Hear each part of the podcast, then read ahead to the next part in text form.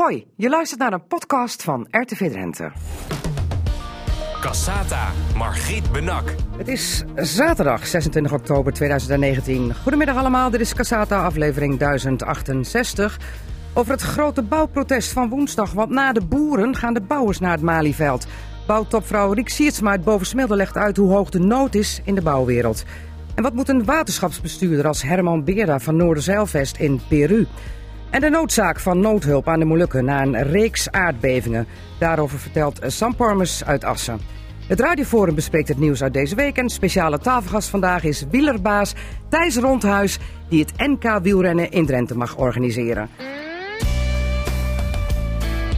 Cassata, Margriet Benak. Radio Drenthe. Ja, na de boeren trekken nu ook de bouwers naar het Malieveld. Komende woensdag gaat dat gebeuren, want zij vrezen voor hun voortbestaan. Niet alleen vanwege de stikstof, maar ook nog eens vanwege de PFAS, waar ik tot deze week nog nooit van gehoord had. Nou, bo- eh, bouw, eh, bouwtopvrouw moet ik zeggen. Eh Riek Siertsma uit Bovensmilde, die weet er alles van. Zij is voorzitter van de aannemersfederatie Nederland Bouw en Infra. En Riek Siertsma, de nood is hoog, hè? Want eh, misschien nog wel hoger dan bij de boeren? Ja, eh, nou, we hebben alle sympathie en begrip voor de nood bij de boeren, want die is er wel degelijk ook. Maar de nood in de bouw is echt heel hoog, want het gaat eh, zeg maar over de bedrijfsvoering en het werk gewoon nu van alle dag. En we zien de werkvoorraad echt met rassige schreden slinken op dit moment. En daarmee eh, komen bedrijven echt onder druk te staan. Ja, dus ik zie woensdag snelwegen vol met keepers, bulldozers en shovels naar Den Haag opstomen. Eh, we hebben afgesproken met elkaar, we gaan met een heleboel branches, met een heleboel verschillende beroepsgroepen naar het Malieveld, dat we dat publieksvriendelijk doen. Dus dat betekent dat we gaan proberen geen oponthoud, we gaan zoveel mogelijk carpoolen. En eh, als we shovels, en, eh, dan zetten we ze op een dieplader en nemen we zo mee, zodat het doorrijdt op de Nederlandse snelwegen. Ja, maar zo- zoiets met al dat bouwverkeer op de weg, dat maakt pas indruk. Ja, we gaan ook wel wat meenemen en er gaan echt prachtige machines op het Malieschild eh, verschijnen. Daar kun je op rekenen. Oké, en Riek Siertsma ook voorop in de kolonne? Jazeker. Ik Jazeker. zorg dat ik er zeer op tijd ben op dat Malieveld. Oké, eh, we gaan uitgebreid over verder praten wat, eh, wat er precies aan de hand is met de bouw. Want we hebben het dan over stikstof, hè, eh, zoals bij de boeren. Maar er is ook nog iets anders, PFAS. Dat mag u nog even haarfijn uit de doeken doen, wat dat is en wat dat voor gevolgen heeft. Maar eerst even van grote bouwshovels en, en, en, en keepers naar tweewielers. Dat is toch een ander verhaal. Want mijn speciale tafelgast weet er alles vanaf. Want dat is wielerbaas Thijs Rondhuis. En hij is de komende drie jaar verantwoordelijk voor de organisatie van het NK wegwielrennen in ons land. En het eerste kampioenschap komend jaar is in Drenthe. En hoe mooi is dat dan voor een Drenthe in hart en nieren? Thijs eh, Rondhuis, welkom in Casata trouwens. Ja, go- go- goedemiddag. Nou, het Nederlands kampioenschap is natuurlijk het belangrijkste eh wielerevenement in Nederland. En als je dat eh, voor het eerst mag organiseren met, met een heleboel uh, Drenten en Groningers en dan ook nog in eigen provincie, ja, dan is het best gaaf. Ja. Ja, maar ik, ik neem aan dat het dan voor een eh, Drenthe, want je woont niet meer in Drenthe, hè? Nee, ik heb eh, heel lang in eh, Drenthe gewoond, in Emmen en eh, Exlo. Dus ik ben een halve Drenthe. Daarom ben ik ook in Leek gaan wonen. Dan ben ik ook nog een beetje Drenthe Ja, natuurlijk. ja, ja, maar het is dan wel een thuiswedstrijd, hè? Want je komt van origine uit Exlo en dan Ja. straks het NK wielrennen rond de Van Bult. En daarover? En erover, erop Ja. en erover. Ja. Ehm, hoe speciaal is nou eigenlijk zo'n NK wielrennen? Want vorige week, moet ik eerlijk opbiechten, heb ik in het radioforum... Ja, ik eh, heb iets gehoord. de Je hebt komst iets van gezegd, het, hè? Van het NK Ja. eh, ehm, ehm, omschreven als een slap aftreksel. Omdat wij namelijk eerst alles op alles hebben gezet in Drenthe en Groningen om het WK wielrennen hier naartoe te krijgen. Nou, eh, toen dat niet lukte, werd er nog gezegd dan, dan maar het EK wielrennen. En uiteindelijk werd vorige week bekend, we krijgen het NK wielrennen. Ja, En ja. dat heb ik een slap aftreksel genoemd. Ja, Ja, je hebt er lekker neergezet. wat, wat nee. zegt Thijs Rondhuis dan? Nou ja, ik, Heb ik een beetje gelijk? Ja, ik weet niet of je die bewoordingen erop los moet laten. Maar ehm, het NK is een ander evenement. Hè. Als je het in de rangvolgorde kijkt, is het kleiner. Maar het is wel een heel gaaf evenement. Omdat je in dit geval voegen we de kleine en de grote kampioenschappen samen. Dus we hebben 1250 wielrenners van eh 15 eh, tot de beroepsrenners die, eh, die één NK rijden op één locatie. 1500. Nee, 1250. 1250, sorry. Hè, dus dan rijden er acht categorieën in één weekend. Er waren twee losse kampioenschappen. Dat zijn, eh, er wordt nu één kampioenschap op de Vanberg.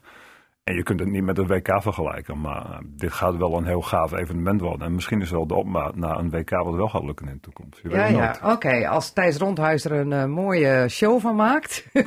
dan Ja, eh, kan het wel eens zo zijn dat men de smaak te pakken krijgt en dan kijkt naar Drenthe zo van, goh, die Vanberg. Want dat wordt toch wel de trekker, denk ik, hè?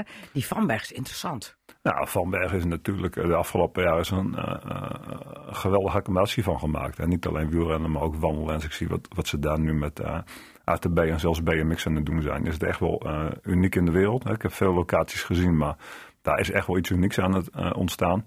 Dan is het mooi dat je daar met een kampioenschap gebruik van gaat maken. En het kampioenschap gebruikt om die locatie in Nederland in de picture te zetten. Nederland is groter dan, eh, dan Limburg. Ehm, we kunnen met z'n allen hier ook organiseren. Dus eh, ik maak een grapje over, maar eh, het is wel aan ons nu denk ik om te laten zien eh, dat het en een gave locatie is en dat het organiseren de Drenten en de Noordelingen ook is toevertrouwd. Dus eh, laat het een opmaat zijn naar iets Het smaakt misschien straks naar meer. Maar ik, ga gelijk weer even de boel wat verstieren. Want dan zeg ik, ach, zo speciaal is een NK wielrennen in Drenthe nou ook weer niet. Want in 2015 hadden we het ook al in Emmen. Ja, dat klopt. Dat En ging- ik kan me er niks meer van herinneren. Dus zoveel indruk heeft het niet gemaakt. Nee, dus gaan, gaan we nou even iets anders doen. Nee, Emmen was. eh, ik ga er geen lelijke dingen over zeggen, maar Nee. eh, het was verspreid over twee weekenden. ehm, dus waardoor je geen eh, geclusterd eh, kampioenschap hebt. Het was in het centrum van Emmen en men reed twee hele grote lussen door de provincie heen. Gaan wij heel bewust niet doen. We gaan wellicht starten eh, eh, met de mannen en de vrouwen met twee wedstrijden in dorpen in de omgeving. Maar voor de rest gaat alles zich op de VAM afspelen. We gaan een rondje van eh, 14,7 kilometer daar rijden. Waardoor je een selectief kampioenschap krijgt.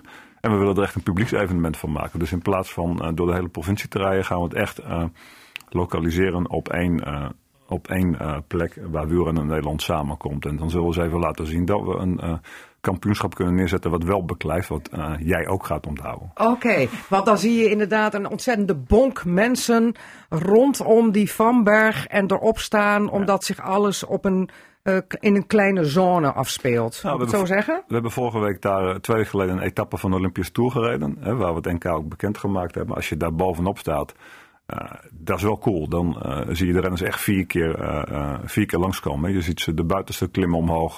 de oude beklimming dalen we af. Dat is twee keer de nieuwe binnenste klim omhoog en dan weer naar beneden. Je kunt ze gewoon vier, vijf minuten zien. Dus het is wel echt aantrekkelijk, eh, ook voor...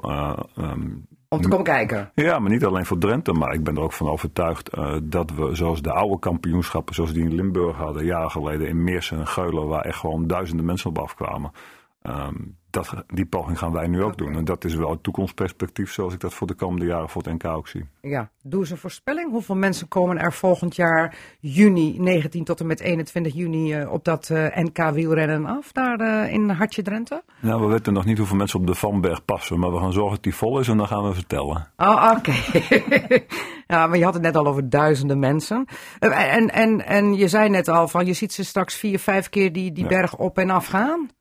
Ja. Dus dat wordt eh, toch wel eh, mooie beelden ook, denk ik. Ja, zijn gave beelden en eh, we gaan met televisieschermen en horeca en sanitaire voorzieningen, noem alles maar op. We wilden echt een publieksevenement van maken. Dus niet zomaar even een, een NK ergens neer, neergooien, maar ook zorgen dat het publieksvriendelijk is en dat we organisatorisch ook gewoon op een goede manier eh, eh, wegzetten. Oké. Emmen wou eigenlijk wel weer, hè? Maar gezien de ervaring in 2015 eh, was... want die bepaalt uiteindelijk waar het terecht komt, de KNWU. Nee, dat Emmen het nu niet heeft gekregen heeft helemaal niets te maken met, met 2015. Ehm, Of heeft dat ermee mee te maken dat we nu die mooie Vanberg hebben... waar je heel stoer tegenop kan fietsen? Nee, de KMU had een overeenkomst met eh Colasso als organisator. Eh, die overeenkomst is met wederzijds goedvinden eh drie maanden geleden ontbonden. Dus de KMU was op zoek naar een nieuwe organisator. Nou, ik ben in Ede geweest voor een gesprek met, met de directie van de KMU. Drie maanden hebben we erover gedaan om met elkaar te kijken wat willen we daarmee. Uiteindelijk hebben wij een overeenkomst met de KMU getekend. Dus de komende drie jaar zijn wij organisator van het eh, NK. En En wie zijn we? eh, Courage Events. eh, met een hele... Dat is jouw business, toch? Ja, dat is, dat is mijn bedrijf. Maar het bedrijf bestaat ei- eigenlijk uit 40 zeer betrokken en hele aardige vri- vrijwilligers. Goed. We gaan straks dat even uitpluizen. Waarom uitgerekend Thijs Rondhuizen dat evenement krijgt toebedeeld. En dan niet alleen één keer in Drenthe. Maar zelfs drie keer eh, eh, mag, eh, ik mag je zeggen, hè? Ja, mag, jij de organisatie doen? En toen zei ik al net heel stiekem in het atrium van RTV Drenthe. Ah joh, gewoon drie keer in Drenthe is ook leuk. Of dat kan, gaan we zo over praten. Eerst even naar die grote bouwstaking van komende woensdag. Riek Siertsma is voorzitter van de aannemersfederatie Nederland Bouw en Infra. Ik vond het trouwens wel bijzonder, heel stoer. Een, een bouwtopvrouw. Ja, Hoe komt Riek Siertsma in die bouwwereld terecht en dan eh, aan, de, aan de top als voorzitter? Ja, via eh, een, een van de brancheorganisaties die onderdeel uitmaakt van de federatie. Dat is de Noordelijke Vereniging voor Burger- en Utiliteitsbouw. Die heeft zijn hoofdvestiging hier in Drenthe, in Bijlen. Daar ben ik een aantal jaren voorzitter geweest. En zo ben ik eh, uiteindelijk bij de federatie eh, in Veenendaal terechtgekomen. Oké. En jij weet dan als geen ander hoe hoog de nood is in de bouw. Ja, absoluut. Ja. ja. Want hoe hoog is die nood? Nou ja, wat we zien gebeuren, hè, het lijkt heel druk in de bouw. En op dit moment is dat nog zo, maar de werkvoorraad loopt heel erg hard terug. En dat heeft alles te maken met eh, terughoudendheid, zowel bij eh, de overheden om vergunningen af te geven rond die stikstof, maar ook nu met die PFAS. Maar, en we, en we zien dat nu ook verschuiven richting opdrachtgevers. Dus grote opdrachtgevers, woningbouwverenigingen, eh, projectontwikkelaars. eh, maar ook particulieren die een huis willen bouwen. Denken van ja, hoe zit dat? Hoe, eh, waar moet ik aan voldoen? Ik wacht even, ik wacht even tot ik meer duidelijkheid heb over, over de regels.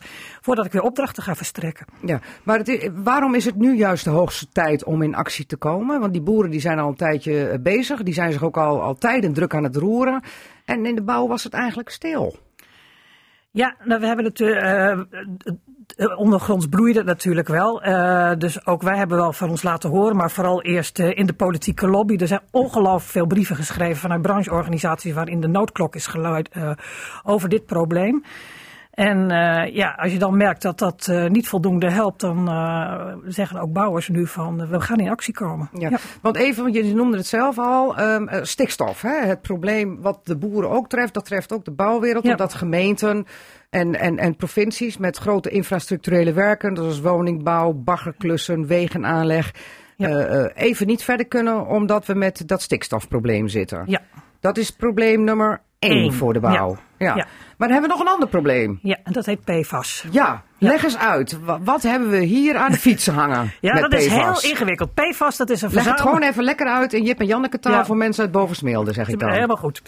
PFAS is een verzameling van een paar duizend stofjes. Hele vervelende stofjes eh, die je eigenlijk liever niet wil hebben. Chemische stofjes heb ik begrepen. Chemische stofjes. eh, het, het zijn ook eh, hele handige stofjes in allerlei toepassingen. En in teflon, maar bijvoorbeeld ook in het schuim van brandblussers. Dat soort zaken. Eh, dus we gebruiken het graag, maar het zijn stofjes die ook heel slecht af worden gebroken in de natuur. Dus ze komen in de grond terecht en zitten daar heel erg lang in. Nou, van een aantal van die stoffen is bekend dat ze ziek, eh, ziek, eh, ziekmakend kunnen zijn. Dus we hebben er liever niet mee te maken. Mhm. Ik heb iets gelezen over teelbalkanker en ehm, ja, andere ernstige ziektes. Ja, dat zo precies weet ik niet. Ik weet dat Oh. een aantal inderdaad kankerverwekkend kunnen Ja. zijn. Dus het zijn echt stofjes waar je liever niet mee te maken hebt als ze in de Hoe grond lang zitten. weten we dat? Dat, dat, dat die stofjes, die 6000 chemi- chemische stofjes in de grond zitten? Nou, dat weten we en dat weet de overheid eigenlijk best al wel lang. En waar we vooral last van hebben is nu eh, de manier waarop we ermee omgaan. We de regels opmaken en we meten. En eh, dat Ah, maakt alweer meten. Ja, het gaat alweer meten en het gaat alweer over rekenregels. Ja. En eh, door de toepassing krijg je dat het nu heel moeilijk wordt om grond te verplaatsen. Ik heb begrepen dat de norm per 1 oktober 0,1 microgram is in elke kilo grond of bagger. Ja, en dat is de kleinst mogelijke waarde die je kunt meten. In, het is niet alleen bagger, maar in elke soort Ja, grondsoort. en ik las dat iemand van Atero zei, eh, het PFAS-gehalte in ons bloed is nog hoger dan de maximale norm voor de grond. Ja, Zo ongeveer. zo ongeveer, ja. Maar wat be- dat is, ik begrijp dat het dan onwerkbaar is om dan nog bouwprojecten te doen. Want Ja, als dan je wordt het heel ingewikkeld. afgraven, wat betekent dat dan? Eh, nou ja, zolang je de grond op het eigen terrein houdt, dan is er nog niet zoveel aan de hand. Want waar, je, als ik het heel simpel zeg, stel je hebt de waarde 1 in de grond, dan mag je dat ook weer neerleggen op een, op een grond die een achtergrondwaarde, zo heet dat, heeft van ook 1. Nou, zo moet je steeds kijken. En dan moet je eigenlijk weten eh, van alle grond wat de waarde is en wat je daarop neer mag leggen, op eh, mag storten. En eh, dat is onduidelijk. Je ziet ook dat zodra dingen onduidelijk zijn, mensen terughoudend worden in het uitgeven van opdrachten of het uitgeven van vergunningen. En daar begint dan het werk te stokken ook voor onze aannemers en voor onze ondernemers. Ja, want ik heb ook begrepen dat er straks een geruzie is over eh, van wie die grond is en wie het dan schoon moet opleveren als die PFAS erin zit. Want gemeenten die hebben dan bouwgrond waar eh, projectontwikkelaars woningen op gaan bouwen. Ja. Die kopen die grond van de gemeente. De geme- gemeente stopt mooi lekker veel geld in het grondbedrijf. Maar dan zegt die bouwer straks, ho ho gemeente, eh, er zit PFAS in die grond. Het moet schoon opgeleverd worden. Gaat eerst even opruimen, Ja, nou ja, dit, dat soort discussies krijg je Ja. dus. Hè, dat, eh, waardoor het stokt. Ja, en eh, weet je, het is, het is sowieso kosten verhogen. Dat wordt het vraagstuk. Voor wie zijn die kosten dan? Is die voor de gemeente? Is dat voor de projectontwikkelaar? Is dat voor de bouwer? Is dat voor de uiteindelijke koper van het huis? Uiteindelijk moet het ergens betaald worden. Want kun je die grond eigenlijk wel schoonmaken? Die Eh. daar ligt, die dan eh, meer heeft dan 0,1 microgram per eh, kilogram? Ehm, daar vraag je me iets wat ik echt niet weet. Dat, zou ik, eh, dat moet ik aan een grondbedrijf vragen.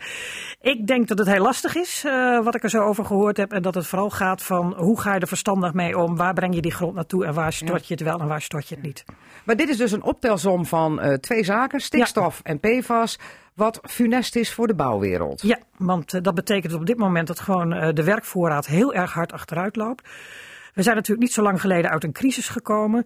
Ehm, eh, eh, je ziet dat de bedrijven eigenlijk nog niet zo heel veel vet op de botten hebben. Want eh, ondertussen gebeurt er ook van alles met kosten die stijgen. En als je dan opeens de werkvoorraad heel hard ziet teruglopen, dan, dan kom je snel in de problemen. En dan moeten we echt de noodklok luiden. Ik heb al begrepen dat er zelfs al bouwbedrijven op omvallen staan. Ja. Ja? Wij houden echt ons hart vast. En, en er gebeuren dingen. Eh, en, en zeker in het MKB, eh, als het je overkomt, en dat heb ik gezien bij een van eh, onze leden. dat, er is een woning vergund. Je hebt het materiaal al ingekocht. Je hebt je personeel gepland. Je hebt ZZP'ers ingehuurd om het uit te voeren. En je krijgt dan een brief van de vergunning wordt 52 weken opgeschort. Ja, als ondernemer moet je wel je rekeningen voldoen. 52 weken is een jaar, Dat is hè? een jaar, precies. Oh, Ja, dus. dat is wel even heel erg slik, slikkeren. En, en Maar dan heb je die mensen al ingepland. Je hebt de mensen al ingepland, je hebt het materiaal besteld. Dus eh, je zit met hoge kosten, je, hè, die moet je voldoen. En je kunt zelf niet factureren, want je kunt niet werken. En op die manier, en dat is één. En de tweede zien we dat opdrachtgevers heel aarzelend worden. Dus eh, het, de werkvoorraad loopt echt terug. En als je maar drie eh, maanden vooruit kan kijken, dat is heel erg kort als het gaat over personeel inzetten. Dus wij vrezen ook echt voor banen. En ook dat is een probleem. We hebben natuurlijk in de bouwcrisis, in de crisis, veel mensen, goede vakmensen moeten laten gaan. We zijn heel hard bezig dat weer op te bouwen, voldoende vakmensen. Want we hebben een gigantische opgave in Nederland. Ja, En we moeten er niet aan denken dat we weer mensen moeten laten gaan. Maar dat dreigt wel. oké, want ik heb begrepen dat er nog een groter drama eh, dreigt dan de economische crisis van tien jaar geleden, waar de bouwwereld fikse klappen van heeft opgelopen. Want dat heeft de sector toen 200.000 banen gekost. Ja, En er zijn maar de- de 80.000 voor teruggekomen. ja en dat zijn we langzaam aan, aan het opbouwen. Want er moet echt heel veel gebeuren in Nederland. Er is een gigantische bouwopgave. We moeten alle woningen en gebouwen verduurzamen. Er is heel veel werk te doen in de infrastructuur. Maar als we het werk niet kunnen doen, ja, dan, eh, dan raken we de mensen kwijt. En dan raken we ook al die, die vakkennis die we weer aan het opbouwen zijn kwijt. Ja, maar hoe, is het zich nu eh, van jou op Drenthe? Heb je al het idee dat hier bouwbedrijven het water tot aan de lippen staat? Ja, ze, ze hebben het heel moeilijk. We zien wel dat in Drenthe, dat moet ik zeggen, want ik heb even nog een, een rondje gebeld. Dat Ja. eh, de gemeenten, eh, in ieder geval een aantal gemeenten, goed aan het eh, meedenken zijn. Hier en daar ook een eco- ecoloog hebben ingehuurd om, om de goede berekeningen te maken rond die stikstof. Dus alleen niet te kijken van wat gebeurt er op dat moment op die bouwplaats, maar wat levert nou zo'n heel duurzaam huis wat je gaat bouwen in de toekomst ook op. Ja, wat is de winst die je boekt op Precies. met betrekking tot stikstof? Precies. En, eh, en die zijn dus echt heel nadrukkelijk aan het kijken waar de ruimte zit om wel Ja, ja. vergunningen te Maar dan heb je het alleen maar over stikstof, dan nog niet Ja, over de PFAS. Nee, nee dan Dat komt er dan ook nog bij. Dat komt er nog bij. Maar goed, nou stomen jullie op. Niet met keepers en met, met eh, eh, bakken vol grond. om, het, om het Malieveld eens even vol met PFAS te storten. Nee. Zou ook kunnen bijvoorbeeld. Als je Nee, we nemen zeker wel materieel mee. Dus er is, een, eh, er is een hoop te zien, zodat ook heel duidelijk wordt waar de, over wie het allemaal gaat. Want het gaat Ja. veel meer dan alleen over huizen bouwen. Het gaat ook over grondverzet, over groen Ja. onderhoud. Het gaat over transport. Als wij niet bouwen, dan kan het eh, transport niet vervoeren. En dan kunnen de binnenvaartschepen eh, geen zand vervoeren. Dus er het heeft heel- heel veel impact. het heeft heel erg veel impact. Maar van wie willen jullie nu iets? Wij, En willen, wat willen jullie? wij willen vooral iets van de politiek. Dat ze eh, snel maatregelen nemen. eh, dus noodstijdelijke maatregelen waardoor we weer vooruit kunnen. En natuurlijk eh, wordt er ook iets van ons gevraagd. Ook wij gaan meedenken hoe we nog duurzamer, nog verantwoorder kunnen bouwen. Maar we hebben elkaar wel nodig. Maar betekent dat ook dan dat, ik geloof dat Stintje van Veldhoven erover gaat, over die norm hè, van, dat, van die 0,1 microgram. Ja, van die- ja. Dat moet ook anders, want dat is eh, een, een, een norm dat, wat on- onwerkbaar, onhaalbaar Precies. is. Dus daar moeten we heel goed naar kijken hoe dat anders kan. En dat moet op hele korte termijn. En dat is per 1 oktober veranderd. Is Ja. dat Europees of is, of is Nederland weer het slimste jongetje? Of het, Nou ja, het- dat is een goede het- vraag. Het beste Dus- jongetje van de klas die weer vooraan wil zitten? Daar hebben we altijd een handje van in Nederland. Om dat Ja, ik doen. geloof het wel. Ja. Maar is dat ook in dit geval zo? Ehm, daarvoor zit ik niet genoeg in de materie, moet ik je eerlijk bekennen. Maar dat eh, zou ik me zomaar kunnen voorstellen. Oké. Maar nu was er eigenlijk een oplossing bedacht voor het stikstof.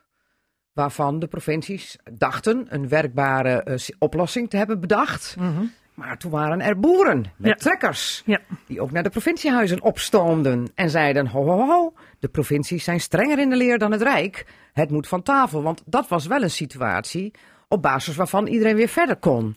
Hebben de boeren nou eigenlijk de bouwers een stok in het wiel gestoken? Nee, zo wil ik dat niet zien. Want eh, ook die, die, die nieuwe dat regels, moest de boel wel lostrekken.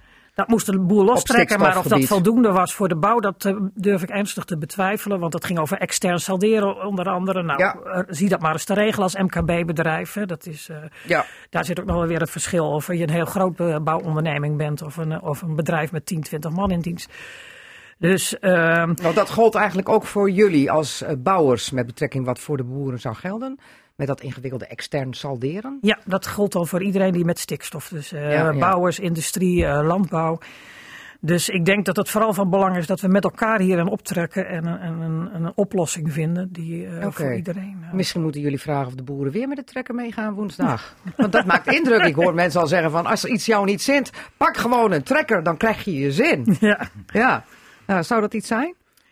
Ik, eh, we hebben goed contact eh, tussen de branches over, over acties. En ik denk dat het nu heel goed is dat de bouw en de infra en de grondwerkers nu laat van zich laten horen. Ja. Dat ook Nederland snapt dat het niet alleen over de landbouw gaat, maar over veel meer sectoren. En dat het dus ook gaat over heel veel banen in andere Ja, ja. sectoren. Want als ik u goed begrijp, dan ligt eigenlijk Nederland op deze manier flink op zijn gat. Ja, als we niet uitkijken wel, dan, eh, dan gaat dat binnenkort gebeuren. En eh, we staan daar niet voor niks ook samen met de bonden op het Malieveld. Oké, en wat moet dan de boodschap zijn waarmee jullie naar huis gaan? Uiteindelijk, na woensdag?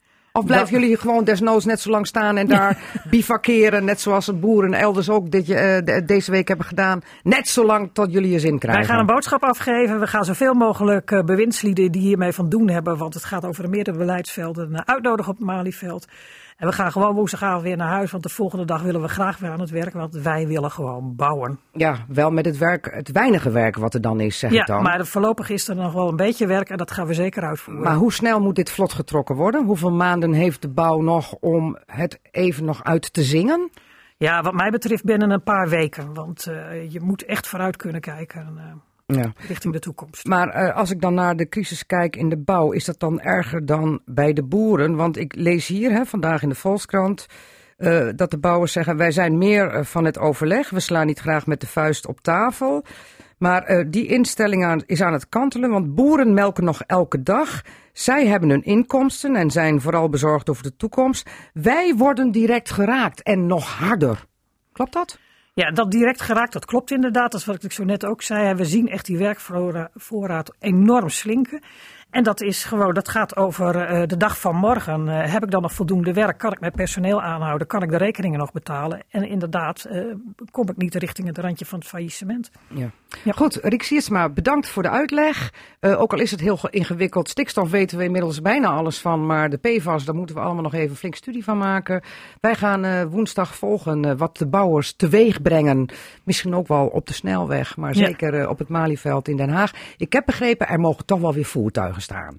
Ja, ja, ja, we gaan zeker het Malieveld op. En we zullen voorzichtig doen met het dak van de parkeergarage. Maar we gaan zeker het Malieveld Nou ja, op. en anders is het een geluk bij een ongeluk. Want als er wel wat gebeurt met die parkeergarage, hebben jullie gelijk een leuke bouwklus. Ja, zo is dat ook nog weer net. Oké, Rick Siersma, eh, voorzitter van de Aannemersfederatie Nederland Bouw en Infra. Dank voor uw komst en eh, succes woensdag. Dankjewel. Radio. Ja, een Drents waterschapsbestuurder voor ontwikkelingswerk in Peru. Wat doet hij daar van onze centen? Zo was de kritiek op social media, onder andere op Twitter, van wat mensen in Drenthe. En is er niks geleerd van het miljoenendrama bij de WMD, de waterleidingmaatschappij Drenthe? Want dat ging ooit op ontwikkelingswerk op de Molukken. En dat leverde de WMD een enorme scheur in de broek op. Nou, Herman Beera van Waterschap Noorderzeilvest, die kan het allemaal uitleggen, want het is, Herman, welkom in Cassata, onvergelijkbaar. Het is eh, volstrekt onvergelijkbaar, ja. Ja. Ja Je had, je had niet zoiets van, eh, oh jee, ik moet dit niet doen, want met de WMD is het slecht afgelopen. Integendeel.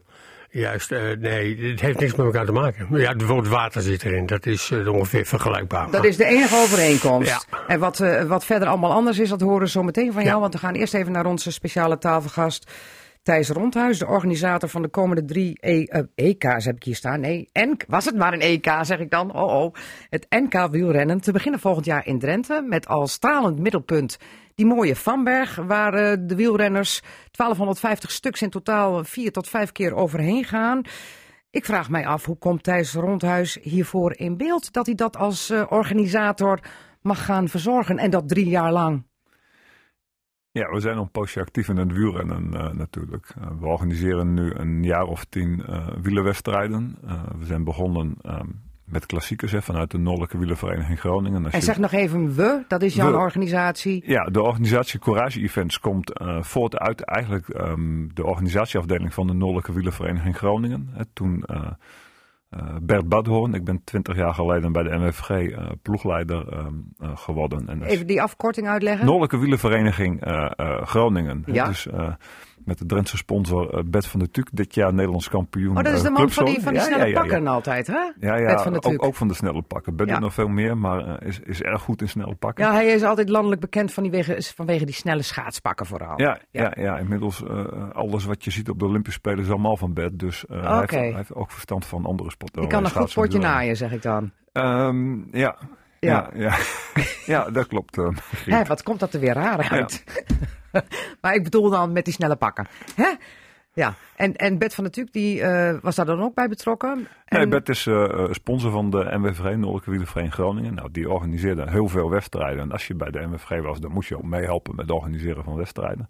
Nou, daar zijn we wat serieuzer in gerold. Inmid- Inmiddels organiseren we de Healthy Aging Tour. Dat is een vijfdaagse etappekoers eh, in Groningen, in het noorden. Inmiddels eigenlijk in april voor vrouwen. Ehm, Healthy aging. Healthy Dat, Aging. dat doet mij denken aan het grote project hè, van het UMCG ook. eh, gezond oud worden. Ja, dat, eh, dat klopt. Eh, dat is HAN, Healthy Aging Network Ja. Noord-Nederland. En daar is UMCG ook bij, bij betrokken. Dus dat klopt. Ehm Olympia Tour organiseren we een zesdaagse etappekoers voor mannen. En inmiddels ook de Bulls Ladies Tour. Ja, het blijft wielrennen hoor. Ehm, De zes- Bulls Ladies Ja, Tour. dat is de enige meerdaagse World Tour wedstrijd in eh, Benelux voor, eh, voor vrouwen. Dus wij organiseren het een en ander. En eh, met de KNWU hebben we in die omstandigheden wel eens, wel eens contact. En uiteindelijk is het NK ter sprake gekomen. Wat eigenlijk al wel langere tijd een ambitie van ons is. Het NK was vroeger het wielerevenement van Nederland. Waar eigenlijk heel wielrennen in Nederland eh, eh, samenkwam. Interessant omdat er veel media-aandacht is. Hè. De, de NOS zendt twee, tweeënhalf uur in zo'n weekend eh, live uit. Dus ook qua marketing kun je er leuke dingen mee doen. En uiteindelijk zijn wij bij het Nederlands kampioenschap dit jaar in Ede... ben ik in gesprek gekomen met Toald Venenberg en Margot de Vries. De twee directeur van de KMU. En daar hebben we eens wat ideeën uitgewisseld hoe we het NK eigenlijk zien. Nou, eh, wat ik net al aangaf, Colasso, de oude organisator en de KMU... eh, zijn eh, netjes uit elkaar gegaan. En uiteindelijk, ehm, En jij had je zo in zo'n goed blaadje gekletst. ja, enorm. Enorm. Dat je te horen kreeg, Thijs Rondhuis, jij mag het gaan doen. Nou, de, de, de laatste jaren zijn er meer organisatoren geweest. Wij gaan nu een serie- serieuze poging wagen. Maar we zijn drie maanden met elkaar in gesprek geweest om echt te bepalen eh, hoe gaan we het dan eh, met elkaar doen. En parallel daaraan, eh, hè, want je kunt het NK wel voor drie jaar binnenhouden. En niet alleen organisatorische zaken spelen mee, maar ook financiële zaken. Dus je moet parallel daaraan wel weten wat je aan het doen bent. Ja. Dus we zijn met de provincie in gesprek gekomen. Ik wist dat de Vanberg een mooie locatie is. En dat wil je dan ook tonen. Nou, het NK is daar een, is daar een mooie... Ja, al- als, als de provincie ergens trots op is, is het wel op de Col du Vam. Nou, dat is ook terecht, denk ik. Ja, ja, maar hebben ze ook aardig wat centjes in geïnvesteerd. Ja, dan, dan wordt het nu ook tijd om dat de rest van Nederland te laten zien. Om ervoor te zorgen dat de regio daarvan mee gaat profiteren. Eh, eh, door toerisme daarheen te halen. Ja. Nou, dan moet je het bekender maken dan alleen eh, in, in Drenthe en in het noorden. Nou, dan is een NK een heel goed middel om, om dat te laten zien. Ja. En, en dan komt het ook op die centjes aan, hè? want het kost 270.000 euro het Ja. organiseren van het NK. Ja, om en nabij. Om en nabij. En daarvan heeft de provincie al gezegd, wij betalen. Nee, dat is het, eh, dat is het mooie van, eh, van het traject wat we met elkaar afgelegd hebben. Eh, hè, natuurlijk hebben we gesprekken gevoerd, ook met de gedeputeerde Henk Brink. Maar het eerste wat hij aangaf, eh, en dat is denk ik ook een les die van het WK geleerd is, dat je een gezamenlijke ambitie moet hebben. Hè. Dat je Ja. als overheid wel betrokken moet zijn, maar dat je niet alleen die ambitie moet hebben. En, je kunt wel voorop lopen, maar als je 100 meter voor de meute uitloopt, heb je een raar optocht. Ehm, dus het bedrijfsleven is, eh, is aangehaakt, hè, is ook verzocht om mee te doen. Dus eh, de bijdrage wordt eh, zeker niet alleen door de provincie opgehoest, maar er zijn inmiddels vier bedrijven die meedoen. Oké. Ehm, dus, Waar- Waar moet ik dan aan denken? Wat voor soort bedrijven, zonder namen te noemen? Nou, dat zijn bedrijven die, eh, die betrokken zijn geweest bij de aanleg van, eh, van de Van Bergen. Ook Oh, bouwbedrijven? Ja, bouwbedrijven. oh, die, dus, die, ehm, die, die- nou, ja. dat, dat, dat wordt nog wat. ja, maar, Weet je wel zeker dat ze nog overeind staan Nee, maar- volgend jaar? Maar ook logische bedrijven. Hè. Eh, we, we- we rijden het kampioenschap rond Atero. Dat is 2,5 uur live op de NOS. Dus dat, dat, dat je Atero een verzoek doet om, om, om mee te doen, lijkt Ja. me een logische. Nou, die hebben daar gelukkig heel positief op gereageerd. Dus het bijzondere is dat de overheid, in dit geval de provincie Drenthe, niet direct de portemonnee getrokken heeft. Maar eens even om zich heen heeft gekeken. Wie kunnen oké. ons daarbij helpen? Maar helemaal En- niet? eh, of of, of eh, wat er nog resteert van die 270.000 euro, daar komen zij mee over de brug. Moet ik het zo Ehm, zien? De exacte verdeelsleutel eh, weet ik niet, maar ik weet wel dat het bedrijfsleven een behoorlijk deel mee, mee heeft gedaan. Volgens mij zal het iets, iets om de helft zijn, denk ik. Oké. Maar daar hoef je je geen zorgen over te maken? Nee. Dat, dat gaat goed komen? Ja. Oké. En, en, en is het dan toch ook lekker, omdat je Drent bent, dat je in Drenthe begint en als het succes heeft, dat er misschien een, een tweede en een derde NK gewoon in Drenthe wordt gehouden? Of, Nou, of zeg je dan Dream On, Benak? Dat gaat niet lukken. nou, een NK is best een organisatorische uitdaging. De afgelopen jaren hebben niet voor niks meer de organisatoren eh, het gekregen, maar ook weer teruggegeven. Dus eh, dan is het heel fijn dat je... eh, met- Teruggegeven omdat? Nou, om, om verschillende redenen. Of, of financieel, dat de risico's te groot zijn. of dat men geen locaties kan vinden. Of dat men teleurgesteld is dat sommige toppers niet, niet rijden. Maar ja, ehm, als, je, eh, als je iets van iets wil maken, kost dat soms tijd. Dan moet je ook even je nek uitsteken en een beetje vasthoudend zijn. Nou, dat zijn we wel met elkaar.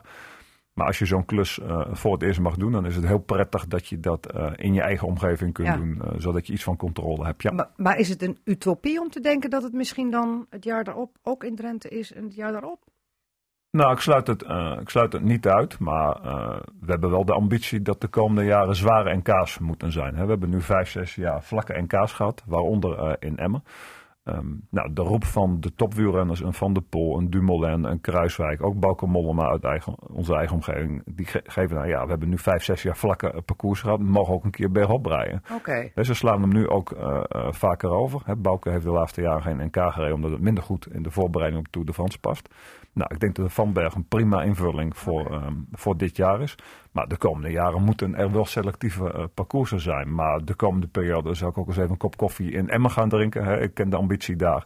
Ehm, ik heb er jarenlang gewoond, dus eh, ach, als, als, als Emmen wil, dan gaan we daar vast een oplossing de komende periode voor vinden. Goed, gaan we straks eh, verder praten over wat zo'n NK trouwens ook allemaal voor het gebied zal opleveren. En eh, eh, ook over eh, wat Thijs Rondhuis zelf heeft gepresteerd op de fiets ooit. Want daar is het ooit mee begonnen. Eerst even heel wat anders. We gaan naar Herman Beerda.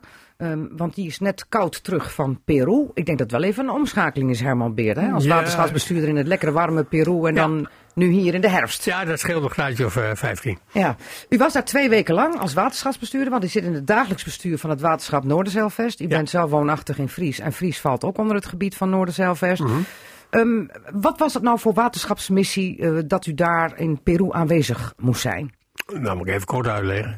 De Nederlandse waterschappen, het zijn er 21, die hebben samen met het ministerie van Buitenlandse Zaken en met het ministerie van, eh, van INW een deal gesloten. Infrastructuur, ehm, En, en waterstaat. waterstaat, ja. Eh, de, en die, blue, die deal heet de Blue Deal. Blue eh, Deal. de Blue alles, Deal, alles te maken met de kleur van het water. Juist, en die Blue Deal gaat erom dat wij proberen om eh, in 21 landen eh 30 miljoen mensen te helpen eh, met veilig, voldoende en schoon water. Ja. Dat is de achtergrond. Eh, en een van, die, eh, een van die projecten loopt in Peru. En daar is Noorderzeilvest een beetje de penvoerder van. En daarom waren wij in, eh, in Peru. Ja, maar wat houdt het concreet dan in? Want ik, ik, ik legde even de parallel tussen de WMD en eh, ehm, uiteindelijk het miljoenendebakel waar de waterleidingmaatschappij nu nog de eh, Drenthe de wrange vruchten van plukt. Omdat Ja. dat ging om hè, waterputten en, en, en, Ja. en waterinstallaties. Nou, flinke scheur in de broek. En toen riepen er allerlei eh, oud-bestuurders en oud-politici op social media. Herman Bera, wat doe je daar? Eh, heb Ja. je niks geleerd van de WMD? Heeft er niks mee te maken, zei je. Wij investeren daar geen geld. Nee, wij investeren, kennis. wij investeren kennis. Wij investeren geen dubbeltje. Maar dat zo'n reis kost toch wel een dubbeltje? Ja, maar het is dat? geen investering, hè? Oké. Eh, eh, bovendien wordt dat betaald door het ministerie van Buitenlandse Zaken. Die heeft voor het hele programma voor de komende jaren 16 miljoen euro beschikbaar. Oké, daar hebben de ingezetenen geen last van, Nee, voor alle dat gaat voor het duidelijkheid. ministerie van, van Buitenlandse Zaken. Het enige wat de waterschappen erin stoppen is tijd en kennis. En die tijd en die kennis, die heeft Herman Beerda. Eh, ja. Ja. En Nou. of daar maak je dan tijd voor. Ja. Maar eh, die, die kennis, waar gaat het dan vooral om? Want het gaat het niet zozeer om technische kennis, maar gaat het om hoe... Nou, het gaat nu nog niet om technische kennis in Peru. Eh, in Peru is in 2017 eh, eh, enorme wateroverlast geweest in het noorden van, de, van, de, van het land. Daar zijn honderd mensen bij omgekomen, duizenden mensen dakloos, ontzettend veel gebouwen en woningen beschadigd. En op dat moment heeft de regering van Peru zich gewend tot de Nederlandse regering. Jullie hebben verstand van water, kunnen jullie ons helpen?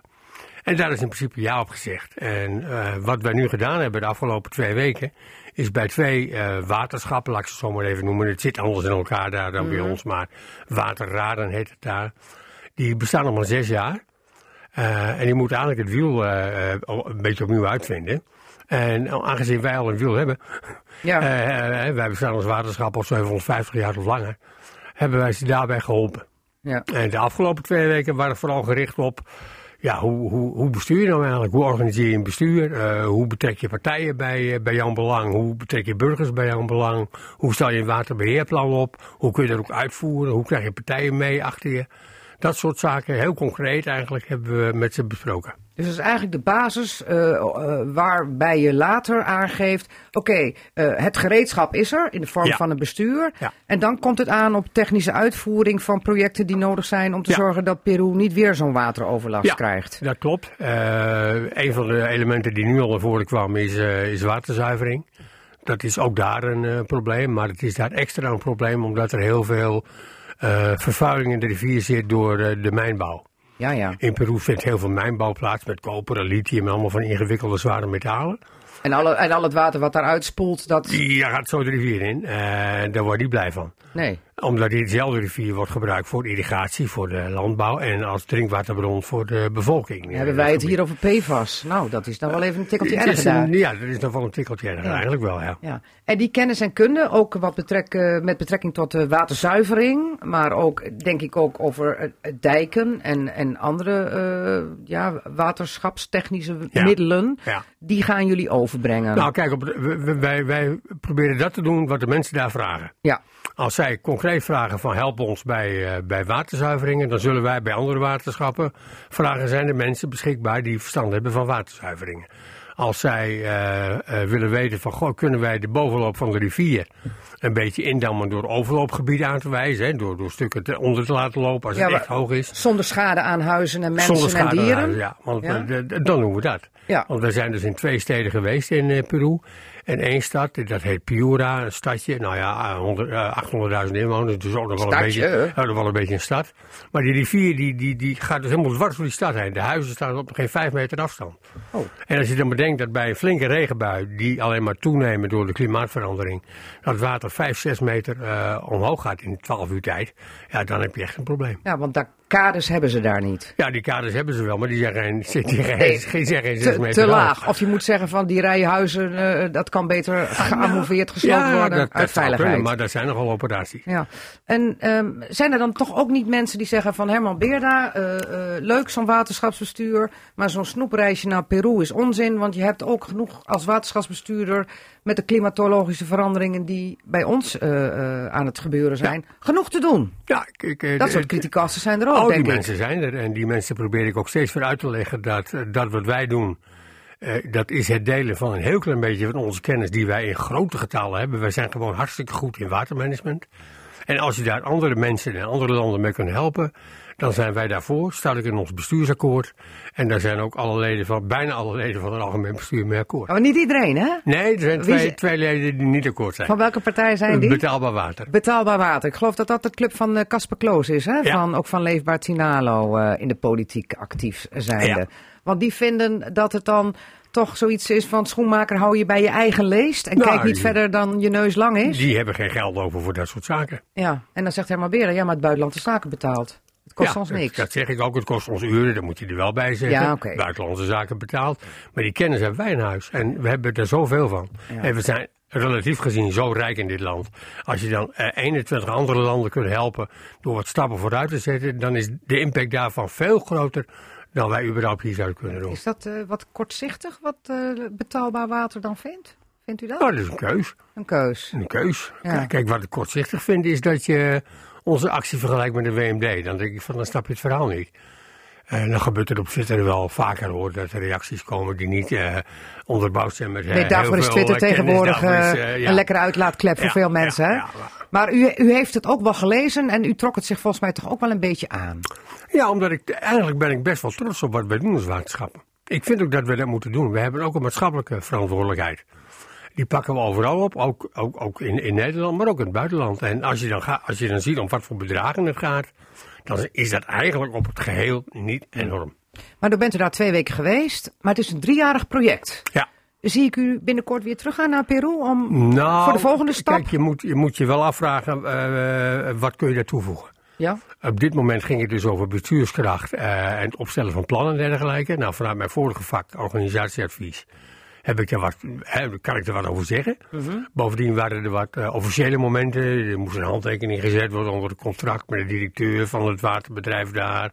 En van andere toestanden bij de ambassadeur. Nou, dan moet de bestuurder op draven. Maar ik denk dat de volgende keren eh, gewoon allerlei medewerkers van ons, maar ook andere waterschappen mee zullen gaan zonder bestuurder. Ja, ja, dat zijn een beetje mensen met technisch vernuft. Ja, Die dan weten eh, hoe mensen die weten hoe het moet. Ja, ja, Ja. nou ja, maar die- hoe het technisch in elkaar Ja, zit. precies. Want zo technisch bent u dan ook weer Nee niet. hoor, absoluut Nee, niet. U heeft meer verstand van besturen. Laat ik het zo zeggen. Ja, heel goed. Ja, ja. Maar het, is, het lijkt me wel een uitdagende klus om daarvoor naar Peru te gaan. Nou, dat is, dat, dat is het ook. Het is, eh, het- het- we zijn er twee weken geweest. Eh, ik had het niet willen missen. Vooral ook omdat je ziet hoe, eh, hoe je soms met simpele dingen mensen kunt helpen. Dingen waarvan wij eigenlijk helemaal niet van ja, maar een bestuurs, eh, je maakt er eens een agenda en dan inventariseer je agendapunten en dan ga je daar met elkaar over praten. Van die hele Basic voor basic, basic dingen. Maar men is daar erg gewend om eh, eh, rapporten na te vragen. En, dan niet een rapportje zo, maar nee, gelijk duizend pagina's of zo. En dan zijn ze heel trots dat ze zo'n mooi rapport hebben. Maar ja, je moet er wel wat mee doen. Ja. En daar, eh, daar, daar wrong de schoen. Ja. Wat is het? Wrong de schoen? Wringde? Ja, nee, wring kan niet. Dat Nee, wrong, wrong, Wrong de ja, wrong de schoen. Goed. Eh, eh, Herman Beerda, eh, wellicht toch nog straks eens een keer weer naar Peru. Omdat ze het toch nog Dat niet helemaal best snappen. kunnen. Dat zou of een ander land zou ook nog kunnen. Oké. Ja, welk land staat er ook nog op de rol voor Nou, jullie? eh, vanuit door zelf zijn we ook nog betrokken bij Burkina Faso. Oh, dat is ook niet naast de deur. nee, maar bovendien mag je daar momenteel niet naartoe, want is daar niet helemaal veilig. Oké. En wij zijn betrokken bij een paar landen in Midden-Amerika. Eh, maar dat project zit nog in de pijplijn. En op het moment dat er een bestuurder nodig is, dan. eh, Dan is Herman Beerda de man. ja. Oké. Maar voordat we het gaan hebben over die organisatie, hoe goed was Thijs Rondhuis zelf op twee wielen? Ja, ik had gehoopt dat we dat onderwerp tijdens de reclame konden bespreken. Maar Ja, niet zo best, Thijs. nee, ik was geen geweldige wielrenner. Ik wil wel heel graag. ehm, Ik ben begonnen op mijn eh, twaalfde, maar de eerste vijf, zes jaar eh, kon ik er geen hout van, om maar eerlijk te zijn. En als nieuweling en junior ging het wel ietsje beter. eh, kon ik wel wedstrijdjes uitrijden. Maar ik was, eh, ik was geen begenadigd talent. Oké, ook ooit begonnen hier bij de jeugdtour van Assen? Ja, die heb ik zeven keer eh, eh, gereden. Ik ben begonnen bij de wielersportvereniging eh, Emmen. En dan rij je ook de jeugdtour in Assen. Ja, Als je die niet gereden hebt, dan, dan, was, je echt, dan was je echt geen daar kon je gelijk wel ophouden. Nee, nee, Ja, ja, ja. Maar je jij was een wielrenner met vierkante wielen, zeg maar. Het kwam niet vooruit. Ehm, ja. Ja, ja. Ja. Maar uiteindelijk, wat is dan toch die liefde voor de sport? Dat je dan, als je zelf dan geen begenadigd wielrenner bent, er toch in blijft hangen? Want je hebt van alles al gedaan Ja, aan de organisa- organisatorische kant. Ja, ik vond het wel een mooi spelletje. Eh, toen ik 18, 19 was, ging het allemaal niet zo geweldig. Dus ben ik jeugdtrainer eh, geworden. Dus ik ben drie jaar jeugdtrainer bij de WSV Emmen geweest. Drie jaar nieuwelingen junioren. Uiteindelijk gevraagd bij de Noordelijke Wielervereniging Groningen om ploegleider te worden. Ook drie jaar gedaan. Dus je had er toch wel verstand van, ook al kon je het zelf niet eh, goed in de uitvoering. Nou ja, als je het lang genoeg doet, krijg je overal wel verstand van. Ja. Nee, ehm, ik, vond het, ik vond het wel mooi. Dus ik ben me daar wel in vast. Gaan we ook eens voor de politiek? Weet ik eigenlijk niet. Er te denken. Maar jullie zitten Thijs niet uit te lachen, maar eh, het is wel Mulder en Jaap van der ergens, Haar. eh, nee, je moet vlieguren ergens in maken Ja. om, Ja. om eh, ervaring op te doen. En dat geldt ook voor de politiek. Dat is ook gewoon een vak. Ze lachen je bemoedigend toe, Thijs. Zo is het. Ja, volgens mij was het een herkenbaar lachje. Ja, ja, Ah, zeker. Ja. Nee, dus eh, uiteindelijk eh, eh, via Groningen Beckett Vrouwenwielrennen eh ingerold. Eh, diverse professionele ploegen gehad. Waaronder DSB Bank. ehm, en Marianne Vos als eerstejaars renster bij ons gekregen. Daarmee de Olympische Spelen in eh, China, Beijing gehaald. Eh, En goud! Goud, goud op de puntenkoers, daar was ik toen heel erg blij mee. Na twee mislukte escapades op de weg en, ehm, en de tijdrit. Daarom hadden we de baan een jaar daarvoor verzonnen. Dus daar was ik toen heel blij mee. En eigenlijk blijven hangen ehm, en het organiseren van wedstrijden ingerold. Want ja, je kunt wel een heleboel goede huurrenners in Nederland hebben. Maar je hebt ook wedstrijden nodig eh, waarin men zich kan ontwikkelen. En nou, zoals een NK en de wedstrijden die we nu organiseren zijn van het hoger niveau, hè, waar mensen kunnen excelleren. Maar het organiseren wordt wel steeds moeilijker. Dus eh, uiteindelijk ehm, hebben we daar voldoende vlieguren eh, in gemaakt om nu eh, mooie grote wedstrijden Ja. te mogen organiseren. Is nou het NK wielrennen wat je gaat organiseren drie jaar lang? Hè? Vanaf Ja. volgend jaar dan juni in, in Drenthe en misschien daarna ook in Drenthe en dan in Emmen. En misschien daarna mag iemand anders het hebben, buiten Drenthe. Of weer terug naar de FAM, weten we nog niet. Maar ehm, heb je dan ook zoiets van, dat is dan het summum? Dat is het, het leukste om te doen? Ja, dat is wel een wens die we al een poosje hebben. De NK's hebben niet meer de, de, de impact en dus zijn niet meer de gezellige evenementen die het waren. Dat komt vooral do- ook door de locatiekeuzes. Als je bijvoorbeeld eh, in Emmen twee grote lussen van 80 of 90 kilometer gaat rijden en je rijdt nog drie plaatselijke ronden van 10, dan is het niet echt een publieksevenement. Dus we willen terug naar zoals het was. Rondjes van 10 tot 15 kilometer als het kan. Aantrekkelijk selectief met Ja. één of twee klimmen erin zodat het ook weer een eh, kijkevenement Compact. eh, wordt. Ja, gewoon co- compact. Gewoon een belevingsevenement zoals het vroeger was. Als jij een weekend naar het NK gaat, ga je op een locatie staan en je ziet ze ehm, in drie uur tijd tien keer voorbij komen. Dat is de reden waarom je met je, met je campo of met je eh wielervereniging of toolclub met een bus naar Drenthe moet, Ja, ja, moet ja. komen. Dus we moeten er ook voor zorgen, hè, want dat is belangrijk. Ehm, het NK kost geld, maar als je ziet 1250 deelnemers met de begeleiding die, die erbij zit, dan heb je eh, ook economische impact op de omgeving. Hè. Dat is belangrijk voor de provincie, maar zeker op de Vanberg, waar we nu een prachtige locatie voor, eh, voor de vrije tijd hebben. Maar dan moet je ook zorgen dat de omgeving daarvan mee gaat pro- Ja. profiteren. Hè. Dat moet, geld moet omgezet worden in inkomsten. Nou, daar is zo'n evenement eh, denk ik heel geschikt voor. Oké, want daar wou ik het ook inderdaad even met je over hebben. De uitstraling van dit evenement naar de regio. Ik bedoel, de hotels gaan vol zitten, neem ik aan. Ja, ga daar maar vanuit. En niet alleen de eh, hotels. Hè. We hebben op de website eh, in een straal van 20 kilometer alles in kaart eh, gebracht. netjes. Campings, vakantieparken, ja, netjes, Flatse. net- netjes verdeeld. En ga er maar vanuit dat het allemaal vol gaat zitten. Ja. Oké. Ja. En daarna komt dan zo'n wielerwedstrijd op de landelijke televisie. Ja. Eh, zorgt dat er dan ook weer voor dat mensen denken van, oh donders, leuk. Eh, voor, of wielerliefhebbers, die zien dan hoe prachtig die Vanberg te beklimmen is. Ja. Ze hebben nou die lelijke keien naast de weg eh, gelukkig vervangen door wat veiliger grind. Want daar was wat gedoe over.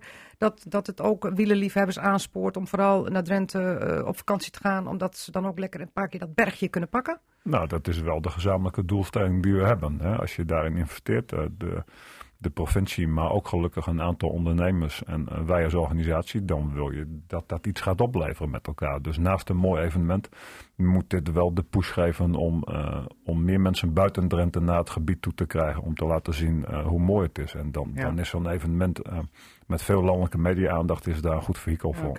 En dan is 2000, is 270.000 euro eigenlijk een kopie. Als je kijkt, vergelijkt met het bedrag wat het WK of het EK moest gaan kosten. Nou, ik denk dat dat bedrag alleen om minimaal de economische spin-off is. Ik heb even zitten rekenen. Ja. denk, tussen, denk dat je tussen de anderhalf en, eh, en, en 225.000 euro echt gewoon rechtstreekse bestedingen in die week gaat krijgen. Dus in dat bezien eh, is het volgens mij eh, een verantwoorde investering. Oké.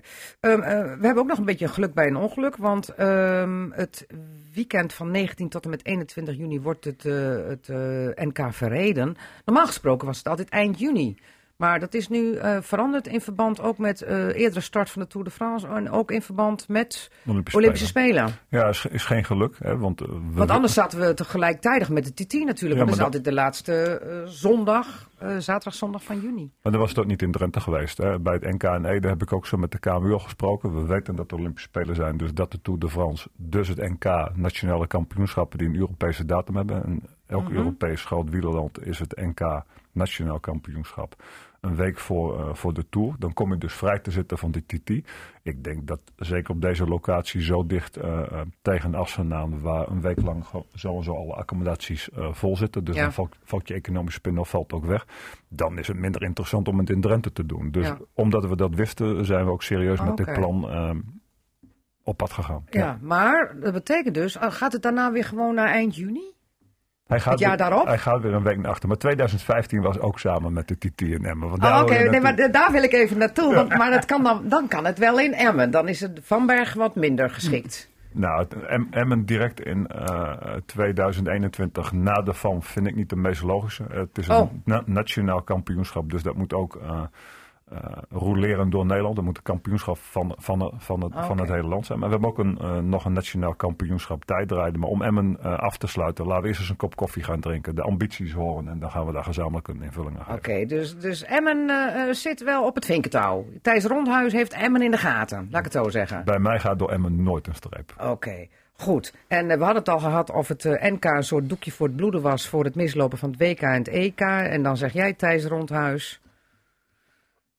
Nou, van het WK kunnen we met z'n allen één ding geleerd hebben. Dat is dat eh, de volgorde in zo'n traject, in zo'n proces, eh, de juiste moet zijn. Je moet met elkaar een gezamenlijke ambitie hebben. Er moet niet één iemand of de, uit de politiek of uit de sport zeggen... we willen zo'n groot evenement van 10 miljoen halen omdat, vinden we, omdat we dat mooi vinden. Ik denk dat daar een lange proces vooraf moet gaan. Dat je met over, eh, landelijke, regionale overheden met elkaar een ambitie moet bepalen. Als die ambitie is om zo'n WK te halen, omdat je daar maatschappelijke spin-off mee kunt eh, creëren, of eh, economische waarde of toeristische waarde. Eerst moet je die ambitie met elkaar breed gedragen hebben en dan is het zinvol om het eh, WK te halen. Want wat er nu gebeurt is, is natuurlijk eigenlijk wel heel erg triest. Uiteindelijk is, heeft de UCI gezegd, jullie mogen het hebben en hebben het met elkaar in de regio eh, niet voor elkaar gekregen. En dat moet de les wel zijn. Hè. Dat hebben Omdat niet iedereen politiek gezien op één lijn zat. Nou, dat hebben- daar, daar sneuvelde het. Nou, dat hebben we bij het NK nu in het eh, eh, klein gedaan. Hè. Dus, dus de gedeputeerde heeft echt het bedrijfsleven ook aangezocht van... hey, wij zouden dit willen. Zien jullie het ook zitten? Wil je ook meebetalen? Doe je boter bij de vis. Er zijn vier grote ondernemers die dat gedaan hebben... en die ongeveer de helft van de kosten dragen. Ik denk dat dit een eh, leer is zoals je eh, grote evenementen, grote projecten naar onze regio eh, kunt halen. Niet met één roepen in de woestijn en dat een heel eind erachteraan, iedereen erachteraan rent. Met elkaar een gezamenlijke ambitie bepalen, proces, traject bepalen en dan gaan we uiteindelijk succesvol zijn in dit soort dingen. Dus als ik jou goed beluister, Thijs, wordt dit de opmaat naar toch een WK ergens een keer in Drenthe. Dat is de liggen wel, maar dat moeten een heleboel andere mensen eh, ook vinden. En dan moet je echt over eh, vijf tot tien jaar denken. Oh, Maar, wou ik eh, wou net zeggen, waar koersen we op? Wat is de datum, Thijs? Waar gaan we voor? als we er met elkaar klaar voor zijn, gaan we, gaan we ermee aan de slag, denk ik. Hoogste tijd voor wat anders. Cassata, het radioforum. Als we er klaar voor zijn. Dat is wel zo'n dooddoener. Maar goed, eh, je bent nog niet klaar met mij, Thijs Rondhuis. Want je zit nu ook in het forum van Casata. Gepromoveerd tot forumlid. En eh, eh, ja, eh, de luisteraars hoorden net al even een hartelijk gebulder gelach. Dat is natuurlijk onmiskenbaar. Ja, Agnes Mulder, CDA, Tweede Kamer. En ik woon in Assen. En daarnaast, Jaap van der Haar, wethouder voor Sterk Meppel en buiten Meppel groen, actieve GroenLinks. buiten Meppel, actieve GroenLinkser. Want dat mag niet in Meppel, omdat je voor Sterk Meppel bent. Ik werk, ik werk in Meppel voor Sterk Meppel. Dat is daar mijn partij. Ja, oké, voor alle duidelijkheid. Goed, Eh, ik kom even bij jou in de buurt. Want waar woon jij ook alweer, Jaap? Hamingen. Hamingen. Net, bo, net buiten Meppel. Nou, dat is gemeente Staphorst, hè? Gemeente Staphorst. Punthorst is daar ook toch in de buurt? Ja, vlak. Dat is, eh, dat is ook gemeente, dat is ook Staphorst. Ja, dus ook vlak om de hoek toch bij Ja, jou? ja, ja. ja, ja. Want eh, daar kom ik even op, want daar is het laatste nieuws. eh, gisteren was dat daar gezocht is, de percelen van Gerrit-Jan van Deen. Hebben we natuurlijk over het boerderijdrama, of het boerderijgezin in Ruinewold, wat anderhalve week geleden ineens wereldnieuws werd. Hè? Dat daar een vader met zes van zijn kinderen, negen jaar afgesloten leefde van de wereld. En daar ook nog een Jozef eh, B. eh, klusjesman eh, bij betrokken was. Die die kinderen, zeg maar, tegen hun wil daar hebben vastgehouden. eh, in ieder geval niet van het boerderij-erf af mochten. Hoe hebben jullie dat nieuws eigenlijk gevolgd? Want het laatste nieuws deze week was dat de man heel actief was op social media met, met preken en allerlei geloven op één hoop gooide. En hem daar verder niet over kinderen hoorde. Hoe kijk jij eh, naar eh, het gebeuren daar in Ruinewold? Nou, toen, eh, vanaf het begin heb ik gedacht, oh god, dit wordt een hype. Ehm, omdat, Is dat negatief of positief, een hype? Nou, een, een hype vind ik ook een beetje negatief. Ik- Mhm. de, de, de, de zaak wordt opgeblazen. Had ik in het begin het gevoel. Hè, en eh, van twee volwassen mensen die eh, leven zoals ze willen leven, dat moeten ze voor mijn gevoel voor zichzelf weten. Op het moment dat er dwang voor de kinderen komt, en wat is dwang, waar begint dwang, dan komen we in de problemen terecht. Hè, en kijk, als je kinderen thuis wilt houden en je wilt ze zelf onderwijs geven en je laat inspectie erop toekijken, ja, dat mag ook allemaal in Nederland. Daarvoor hebben wij een hele belangrijke grondwet dat je dat soort dingen mag doen. Ja. Eh, maar ik heb het gevoel dat hier bewust aan een aantal controlemechanismen ontrokken is. En dan, en dat is, me dan, is mij nog steeds niet 100% duidelijk, eh, waar vrijheid en onvrijheid begint voor die kinderen. Maar ehm, daar, vind, daar ligt voor Mm. mij de belangrijkste vraag. Hebben Ja. ze dit gewild of zijn ze hier, of zijn ze hier ingemanipuleerd? Ja, of weten ze niet beter eigenlijk, komt het op neer. Als je de wereld klein genoeg houdt, dan weten ze niet beter. ja. Agnes Melder, hoe kijk jij hiernaar? Want we hadden het net ook al even eh, onder de plaat of onder het nieuws over van... Ruinewold komt hier ook nooit weer vanaf. Nee, dat is natuurlijk vreselijk. Ja, ik vind dit toch wel heel erg. En eh, dat het dan zo de hele wereld ook overgaat, eh, ik, dat snap ik wel. Want dit komt gelukkig niet zo heel veel voor, zullen we maar zeggen. Eh, dus laat het ook maar heel mooi zeldzaam blijven. En dat we dit soort dingen niet meer eh, bij ons hoop ik zien. Zeker voor die kinderen. Ja, als, als die wereld inderdaad zo klein is en ze hebben dat niet van buiten, hoe weet je het dan? Hè? En eh, dat, eh, ik ben bang dat ze dat voor altijd zal tekenen. En dit Maar- verhaal blijft hun dan ook achtervolgen. De vraag bleef wel aan. Dus van, waar, waar begint dat? Hè? Eh, ik, ken, ik ken jonge mensen, nog geen dertig, die, denk- die denk echt ervan overtuigd zijn dat de wereld 6000 jaar oud is. En die lopen gewoon op straat, en die, maar die groeien op in bepaalde milieus. En daar, dat vind ik, ja, dat is ook niet waar in mijn ogen. Nee, maar die, eh, die lopen dan in ieder geval in een maatschappij rond waarmee ze ermee geconfronteerd worden. Dat ze er zelf ook nog wat van Eens. kunnen vinden. En ik, ik weet gewoon niet in hoeverre dat met deze kinderen het geval is geweest. En je vraagt je af in hoeverre hen de jeugd is ontnomen. Of een normale jeugd. Nou, ik hoop dat ze eh, zo worden begeleid dat ze de rest van hun toekomst op een goede manier aan kunnen. Hm. Want dat vind ik wel zorgelijk, ja. Nou, Er zat hier vorige week een sectedeskundige, eh, Sjoukje Drent, Bruintjes. En die zei dat het wel weer goed kan komen met de kinderen, maar dat het eh, tijd vergt. Thijs Rondhuizen, toen jij dat ervan hoorde, van dit de boerderijgezin, het spookgezin, eh, wereldnieuws zelfs. Wat dacht jij? Nou, de eerste eh, re- reacties van iedereen dat dat überhaupt nog kan gebeuren, zoiets. Hè. We hebben het over naberschap in, eh, in onze eigen regio. Ehm, eh, we moeten er vooral direct een les uit trekken. Hè. Dit is gebeurd en dat heeft zijn gevolgen en consequenties. Maar eigenlijk zullen dit soort dingen gewoon niet meer mogen gebeuren. Met Maar, maar, heb je nou het idee dat er dan lessen uitgetrokken moeten worden, dat het naberschap bij ons misschien toch iets beperkt is op het moment dat mensen niet willen eh, contact te hebben? Hè, de mensen zijn daar komen wonen, er is contact gezocht van hallo, hier zijn we, wijn en bloemen. Ja. En, en eh, eh, hè, Ja. gezellig in de buurt. En eh Jozef B. liet toen direct al merken, ik wil helemaal niks met jullie. Eh, ja, dan trekken wij ons als Drenten ook terug. Jij bent zelf ook een Drent. En dan denk je van, ach, live and let live Ja. in, in Drents. Le- le- le- live and let live. Mooi Drents. lekker makkelijk eh, laat iedereen zijn leven leiden. Ja. Maar eh, ja, als dat zo, zo langdurig is, ehm, mogen we toch kritisch naar elkaar kijken. Nog wel ehm, voldoende op elkaar eh, letten en onze, op onze omgeving passen. Ik denk, ja, da- daar mogen we toch een keer kritisch over nadenken met elkaar. Nou dook de hele wereldpers erop nadat RTV Drenthe als eerste het nieuws bracht. Ehm, ehm, en nu ineens is eh, eh, toch in sommige landelijke kranten die er zelf ook kolommen over volschreven, wordt er ineens eh, alles wat er aan Ruinewold besteed wordt, is ineens sensatiezucht. Hoe kijken jullie er tegenaan? Want ik heb zelf zoiets van de waarheid mag boven tafel. Wat is hier gebeurd en waar is het misgegaan? We willen allemaal weten, want we hebben allemaal nog heel veel losse eindjes. We willen allemaal weten, hoe kan dit? Hoe kan een vader zijn kinderen helemaal niet inschrijven bij de, de gemeente, de burgerlijke stand, de basisadministratie? Die, die verdwijnen dus gewoon compleet uit beeld. Eh, en dan schrijven landelijke kranten ineens, Volkskrant en AD, sensatiezucht. Hoe, hoe beschouw jij dat? Nee, maar Margriet, ik, ik vind dat het feit dat je zo onder de radar kunt komen door aan te geven ik ga emigreren en dus uit de basisadministratie te laten uitschrijven en nergens meer te laten inschrijven, daar ben ik het helemaal mee eens. Daar moeten we een les uittrekken. Want dat moet eigenlijk niet kunnen, want kinderen moeten gevolgd kunnen worden in hun, eh, in hun onderwijs. Eh, we, moeten, we moeten ze als tot een achttiende volgen. Daarna worden ze door de RMC gevolgd tot een, totdat ze een diploma hebben. We moeten hun ontwikkeling op een bepaalde afstand kunnen volgen. We moeten overigens ook wel respecteren dat wij achter de voordeur, daar hebben we een hele, daar hebben we een hele grote discussie aan wat we daar wel en niet mogen Ja, vooral met die AVG, die privacywet. Ja, maar dat is een nieuwe, uitvo- een nieuwe Ja. vorm ervan. We discussiëren al bij al een eeuw over wat achter de voordeur en waar is- ligt de verantwoordelijkheid wel en niet. Waar mogen we wel en niet ingrijpen. Dat klopt. Ja. En eh, eh, daar wil je ook, eh, als ouders heb je natuurlijk een eerste verantwoordelijkheid. Hè? En, en, en, en daarna komt pas de overheid. Het is Ja. ook niet zo dat de overheid alleen maar alles goed doet natuurlijk. Hè? Dus ik vind ook wel, daar moet je voorzichtig mee zijn. Maar ik vind als je kinderen in hun...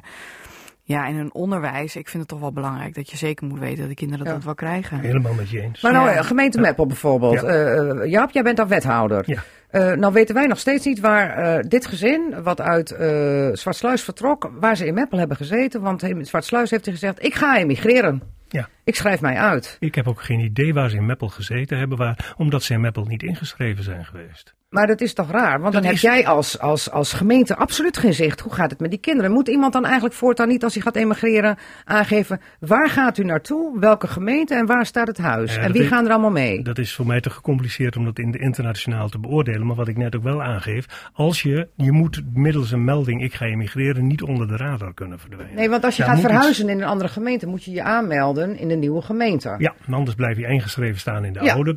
Kom, maar daar sta je in ieder geval ergens ja, ingeschreven. kom je naar Meppel, schrijf je je in, dan wordt, schrijft Meppel je uit bij de Ja. gemeente waar je vandaan komt. Ja, ja, maar als je gaat emigreren, kan dat kennelijk zo makkelijk. Blijkbaar, zit- blijkbaar zit daar een maas in de wet. Ja, ja. Hoe kijk jij daar tegenaan, Thijs? Ook- Ja, ook- zo, ook- zo- ook- zou het niet moeten kunnen. Als die regel nationaal is, eh, van de ene naar de andere, zou het internationaal eh, eh, op die manier ook moeten. Eh, Ja. Je moet niet onder de radar kunnen, eh, kunnen duiken. Maar dat het ene moment landelijke kranten eh, er kolommen vol over schrijven. En dan het andere moment ook schrijven dat het sensatiezucht is. Hoe kijk jij daar tegenaan, Agnes? Ja, dan kijken ze denk ik ook heel erg naar zichzelf, kennelijk. Ja. Ja, Ja, een beetje nuchter misschien, maar... eh, oké. Maar eh, ik, ik denk, het gaat om het belang van de kinderen uiteindelijk. Hè? En eh, help je die ermee door er heel veel eh, nog aandacht aan te besteden of niet? Dat zijn wel vragen die je jezelf mag stellen op een Ja, gegeven moment. ja, dat is ook voor een journalist, als- Ja. een journalist als wij. Aan de ene kant wil je Ja. echt donders graag die Jan spreken. En het liefst ook de kinderen. Maar ja, goed, aan de andere kant heb je ook zoiets nog als mens Ja. in je. Van, dat je denkt van, ja, je wil ze ook met rust laten. Maar aan de andere kant zit je borden vol vragen. Dan zit je echt een beetje in een spagaat van... eh, Ja. Welk gevoel prevaleert dan? Maar dat is ook... Ja, eh, het belang van die kinderen prevaleert. Ja, volgens Ja. mij ook. Dat eh, moet je zover ben ik nog niet. Ik wel. Zover ben ik nog niet. Ja, maar dat snap ik wel. Dat is het hart Ja, van de journalist wat klopt. Ja, Ja, precies. Ja, maar dat snap ik ook Ja. wel. En Ja. ik vind het ook Ja. iets anders. Mooi dat je, dat je de vader, zeg maar, eh, spreekt of die Ja. kinderen. Dan denk ik van, nou, als je die vader kan spreken... Ik kan me best voorstellen dat je dat graag wil. Ja, maar die ja. kinderen... Ja, ja, goed. Nou ja, Jan die heeft het eh, erop gewaagd en die heeft de Ja. sprong naar buiten genomen. En daarvan zou ik ook graag willen, willen weten. Eh, d- daar zou ik het dan eh maar ik heb me bij Jan, mee willen. ik heb me bij Jan wel vaak afgevraagd, hoe, hoe schuldig voelt hij zich nu? Want hij heeft dat tegenover de rest gedaan. En zij leefde toch in, een, in hun eigen kokonnetje, neem ik aan. Ja. En dat heeft hij wel stuk gemaakt. Ja. Zo, tenminste, niet dat ik dat zo ik had vind. ook begrepen dat hij die- ook verstoten was en niet meer bij hoorde. Precies, Omdat hij de cirkel had doorbroken. Ja. Maar goed, ehm, ehm, ehm, jij zei net heel eh, terecht een bruggetje over journalist. Ja. Want wij gaan even naar die journalist eh, van de NOS, eh, Robert Bas. Die werd gegijzeld. omdat hij met een bron gesproken had in de, de vergismoord. waarbij een GGZ-directeur per ongeluk is doodgeschoten. Dat was, was de verkeerde. Die had met een bron gesproken. En nu had de rechtercommissaris in Rotterdam gelast. Ehm, hij, moet, eh, hij moet zitten, want hij moet iets gaan vertellen eh, over die bron. Want dat wil de advocaat van de tegenpartij. Hoe kijken jullie daar tegenaan? Want ik, ik schrok me rot toen ik dat las. Ik denk, goh, we hebben straks geen enkele bron meer als het op deze manier werkt. Hoe kijk jij daar tegenaan, Jaap van der Haar? Journalistiek is een van de belangrijkste pijlers, vrije journalistiek, een van de belangrijkste pijlers van democratie. Daar, moet, en daar hebben we de afspraken gemaakt dat je een bron stil mag houden. Dat mag deze man ook. Dat merk je ook. Hij is vrijgelaten. Ja. Ja, dat zijn een aantal eerdere processen geweest. En justitie gaat echt een stap te ver als ze hier de fundamenten van onze democratie, of een van de fundamenten van onze democratie aantast. Kan niet. Maar als het een heel groot maatschappelijk belang dient, dat de journalist wetenschap heeft van iets wat heel het land aangaat, dan zou het wel moeten mogen, heb ik gelezen. Ja, overal zitten grijstinten. Ja. Eh, ik, in dit geval is mijn gevoel dat het echt volledig onterecht is. En dat is in eerdere gevallen waar gijzelingen zijn geweest om, eh, eh, om dit soort zaken, is dat, is Ja. dat ook weer uiteindelijk teruggedraaid. Agnes Meldo, kijk Ja, het een aan? hele bijzondere situatie dit. En eh, persvrijheid is gewoon echt eh, de basis van je democratie. Eh, ik ben eh, vorige week voor de Interparlementaire Unie in eh, Servië geweest. Nou, als je ziet wat daar persvrijheid is, eh, daar zijn echt wat vraagtekens bij te zetten. En eh, daar hoe oppositie daar eh, dag in dag uit zeg maar, op een bepaalde manier wordt behandeld. Nou, daar heb je geen vrij beeld meer. Dus persvrijheid, hè, Mhm. let op, dat is echt de kern van de democratie. En daar staan we ook voor. Ja, want bronnen moeten zich kunnen melden bij journalisten die vervolgens ehm, ehm, een zaak naar buiten kunnen brengen die anders niet naar buiten was gebracht. Klopt. Want anders wordt er heel veel onder het, eh, onder het kleed geveegd. Ja. Ja, ik vind eh, ook zeg maar, het feit dat de journalisten bij raadsvergaderingen zitten, vind ik ontzettend belangrijk. Omdat die kritisch luisteren, Ja. die schrijven kritische artikelen, die praten erover, die, die informeren mensen. Dat zijn we echt op allerlei, op allerlei niveaus in de samenleving. Zijn we de pers nodig. Dan noem je nog heel iets onschuldigs, een raadsvergadering. Dat kan tegenwoordig iedereen online volgen. Dus, eh, Maar, maar met Dat vervelend nee, aan maar toe. er zit een verschil. Want stel dat je nou met ondermijning te maken hebt. Ja. En met eh, eh, de onderwereld die in de raad eh, terechtkomt. En dan kan je het nog wel volgen via internet live online. Mhm.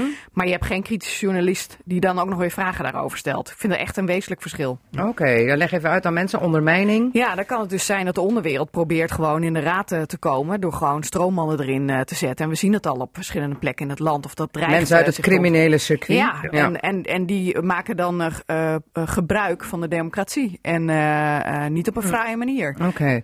Hoe kijk jij tegen het nieuws aan, Thijs, dat een journalist in gijzeling werd genomen, zoals het dan eh, zo heet? Ja, ik vind het bizar. Ja.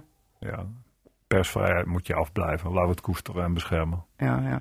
Want anders hebben we straks helemaal geen bronnen meer als, als er bij elk eh, moment eh, een bron zich meldt en wij melden erover en dan vervolgens wordt de journalist gegijzeld om eh, in ieder geval eens even te verklaren over die bron. Ja, dan wil geen bron zich meer melden. Nee. Dat is het dood in de pot, denk ik, hè, voor de Ja. journalistiek. Ja. ja goed. Nou, voor de democratie dus ook. En voor de democratie, ja. Ja.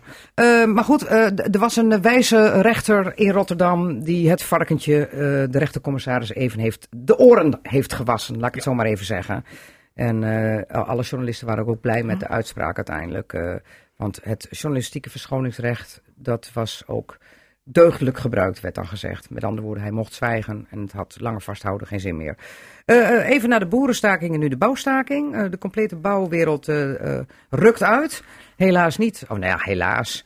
Gelukkig voor heel veel mensen op de snelweg. Niet met shovels en met kiepwagens. En ze gaan gewoon keurig carpoolen. Vanwege toch ja, een dreigende wurggreep voor de bouwwereld. En niet alleen stikstof, maar ook PFAS. Jaap van der Haar, wist jij tot vorige week wat PFAS was? Ja, zeker wel. We hebben daar een paar maanden geleden een briefing over gekregen dat dit soort thema's belangrijker gaat spelen bij bouwvergunningen, et cetera. Al die chemische deeltjes Ja. die in de grond zitten en waar je straks 0,1 microgram per kilo grond in mag hebben. Ja, en waar je een hogere percentage vindt in je tevelpan. Ja, en daar bakken we gewoon ei in. Ja, En dat is niet erg. Nou weet ik niet. Nee, nee. Maar in ieder geval, daar zitten ook die deeltjes in waar het in die grond over gaat. Ja, maar dan ben jij zelf, eh, geloof ik, jij gaat over volkshuisvesting in Meppel, hè? Nee, Nee, oh, volkshuisvesting oh, heb ik gelukkig voor jou, gelukkig. Maar financiën, dus toch wel een beetje. Financiën, ja. alles Daar gaat, daar gaat het grondbedrijf. Want hoe, hoe zit dat nou straks Ja. met de gemeente Ja. met grond, eh, Ja, nee, maar daar, da- da- daarom kreeg je die briefing. Want waar daar- al die tevelpannen in Ja, zitten? maar daar krijg je mee te maken, want eh, je verkoopt grond en daar zit, daar, daar zit bijna op een heleboel plekken zit, zit daar te veel, eh, te veel concentratie in. Ja. En mag je dus die grond niet meer beroeren. Dat, Nee. En dat wordt, dat wordt complex. Maar, de- de- de- maar dat is hetzelfde als bij, die, als bij de stikstof, hè, of bij de ammonia, of hoe je het ook maar noemen wil. Stikstof. Eh, en we hebben, en dat vind ik één uitgangspunt, Margriet, er is een grondrecht en dat is demonstratie. En dat mogen we doen. Dat mochten de boeren, dat, mogen, mo- dat mogen de mensen van de bouw. Maar er is ook intimidatie. En waar ligt de grens tussen intimidatie, dus gewelddadigheid en, en, en, en, en demonstratie? Oh, maar En die, ik vind dat maar die zei dat ze heel netjes naar Den Haag gaan en heel netjes gaan carpoolen. En als er dan ergens een, eh, een shovel komt, dan gaat hij op een dieplader, want dan rijdt het even vlotjes door. Ja. Dus. Ja, goed, dan mogen ze, dan, dan hebben zij het recht om. Maar zij, te eh, het water staat hen tot aan de lippen. En als we niet oppassen, wordt het nog erger dan de economische eh, het- crisis tien jaar geleden. het, eh, water ja? staat, het water staat de boeren ook aan de lippen. Het ja, maar de boer die melkt voort en de bouwprojecten drogen op. Ja, maar het staat ons, de stikstof of de ammonia-uitstoot, die staat ons met z'n allen, staat, staat het water ons aan de lippen. En als we nog een tijdje wachten, dan staat het ons letterlijk aan de lippen, omdat de zeespiegel aan het stijgen is. Ik bedoel, we moeten een keer het vraagstuk serieus gaan nemen. En dat vraagstuk, daar, daar worden we mee geconfronteerd. En als we op deze manier blijven doorbouwen, als we op die- deze manier blijven doorboeren, dan gaat, dan gaat het niet meer in dat kleine stukje Nederland. Kortom, het roer moet om, zeg Het Jaap. roer moet echt om. We zijn het enige land wat Roundup nog eh, toestaat in Europa. Er zit hier gewoon een hele sterke lobby die allerlei dingen. eh, en terwijl wij het vieste grondwater van heel, van heel Europa hebben. Ja, we moeten. Nee, we, moet- nee, Is we dat moet- echt zo? Dat is echt zo. Als Geloof je op de van. kaarten met, met, met, met, met concentratie van viezigheden kijkt, dan is het roergebied deze kant op. Dat is het vieste deel van, van heel Europa. We moeten wat doen, want het gaat niet goed. Oké, jij zegt staken best, hou je aan de regels, maar we moeten iets anders gaan doen. Agnes Mulder. Nou ja, kijk, als je de staatssecretaris die heeft gezegd van ik, ik wil een handelingskader hebben, maar het handelingskader heeft alles op slot ge- eh, gezet. Dus er wordt helemaal niet gehandeld. Nee. Alles ligt gewoon stil. Ja, En dat vind ik wel een probleem. En dan denk ik van, eh, dan lag het eerst aan de laboratoria, waar je dan eh, monsters eh, kon aanleveren. Dat lukt even niet, want niet alle goede apparatuur was er. Dus dan denk ik wel van, hoe goed is daar met iedereen, met de sector en alles over gesproken, dat dit er allemaal aan zat te komen? Want kunnen mensen zich dan ergens op voorbereiden? Dus als jij een handelingskader wil, dan wil je denk ik ook handelingsperspectief en je wil ergens gaan uitkomen. Maar hier moet alles nog worden onderzocht. De RIVM is er nog druk mee bezig, maar ondertussen is er wel een hele strenge no- norm neergelegd. Lijkt strenger dan in andere landen. Was dat nou dan nodig? toch wel weer. Hè? Die, die Ja. PFAS is ook weer 0,1 microgram, is ook weer strenger Ja, dan ja. andere Europese Ja. landen. Ja. Maar lo- lopen, lopen we achter bij andere landen? Zijn, zijn het eh, ongehoorzaamste jongetje van de klas? Nou, ik denk dat wij gewoon een eigen verantwoordelijkheid uiteindelijk hebben met deze zeer zorgwekkende stoffen. Ik bedoel, het is niet voor niets dat het zeer zorgwekkende stoffen heet. Hè? Dat, eh, dat heeft een reden, namelijk dat het eigenlijk niet zo goed is dat het in de grond komt. Vervolgens in onze eh, voedselketen en vervolgens in onszelf. En wij hebben daar waarschijnlijk ook wel last van. Dus logisch dat de RIVM daarnaar kijkt. Net zoals met de microplastics. Hè? Die komen ook uiteindelijk in ons terecht. Dus dat je daar serieus naar kijkt. En dat je wil kijken van hoe ga... Ik vraag me altijd af, als je iets gaat doen, waar wil je dan landen? Hè? Waar wil je uitkomen? En nu lijkt het een beetje het paard achter de wagen aan het spannen eh, te zijn. En dan denk ik van ja, daarmee lossen we uiteindelijk niks op. Ja, alles kunt- valt stil en er eh, verdwijnen heel veel banen en alles. Maar ik denk van, is, is dit nou de manier om dit probleem aan te pakken? Dus Nee, ga nou eens goed in gesprek met iedereen en zoek naar een oplossing. Maar dat, dat vind ik belangrijk. Kijk, ook bij de stikstof hebben we in één keer pats. Alles hele snelle besluiten, niet, wel over, niet goed overwogen, niet goed met de boerengemeenschap gesprekken gevoerd en een jaar genomen om tot een goede oplossing te komen. En dat doen we met de bouwwereld, doen we dat ook niet. Terwijl we al 50 jaar eh, de zaak aan het vernachelen zijn. Dus laten we nou de tijd nemen om goede, adequate oplossingen te vinden, want- want er moet wat opgelost worden. Even naar Thijs, rondhuis. Ja, wat ik niet begrijp, hè, de boeren en de bouwwereld eh, hebben overeenkomsten. Ik ken vele agrariërs en mensen uit de bouwwereld. Wat ik niet begrijp, wij doen dit al jaren zo. Het probleem, dat is niet gisteren ontstaan. Dat kennen we al, Ja, al met tientallen elkaar. jaren Hoe, zelfs. kun- hoe kunnen we op een politieke manier, hè, wat, wat- dat begrijp ik absoluut niet, waarom moet dat van vandaag op morgen geregeld zijn?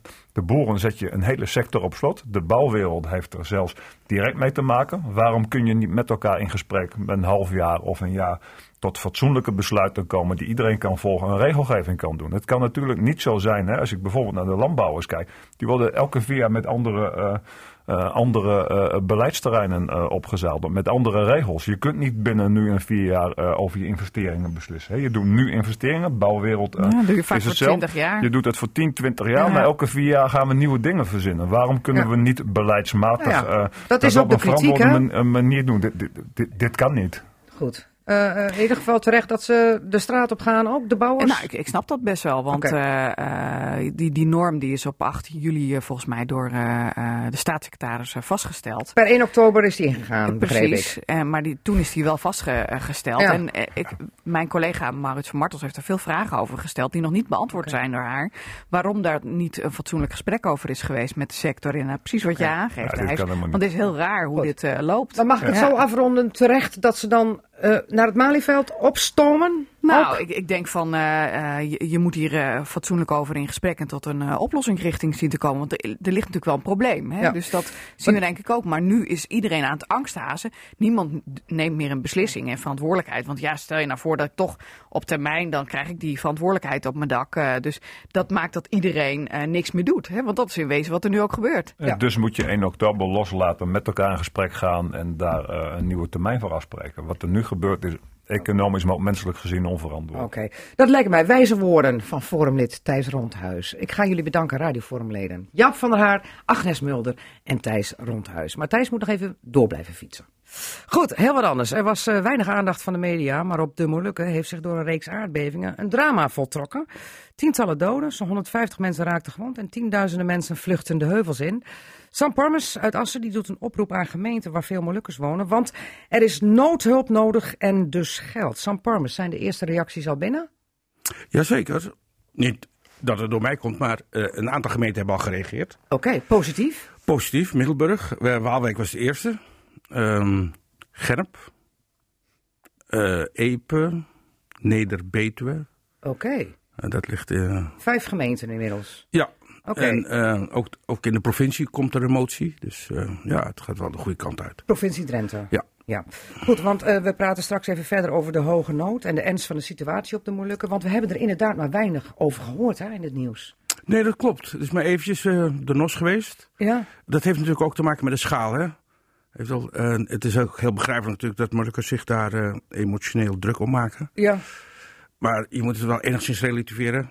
Internationaal stelt het niks veel voor. Nee, maar ja, goed. eh, Maar voor ons we- wel natuurlijk. Ja, natuurlijk, want we hebben natuurlijk ook grote Molukse gemeenschappen Ja. in de gemeente Assen, in de gemeente Midden-Drenthe en in Hogeveen. Absoluut. En die mensen zijn er ook dag en nacht mee bezig. Ja. Dus vandaar dat wij in Cassaat ook uitgebreid even stilstaan Klopt.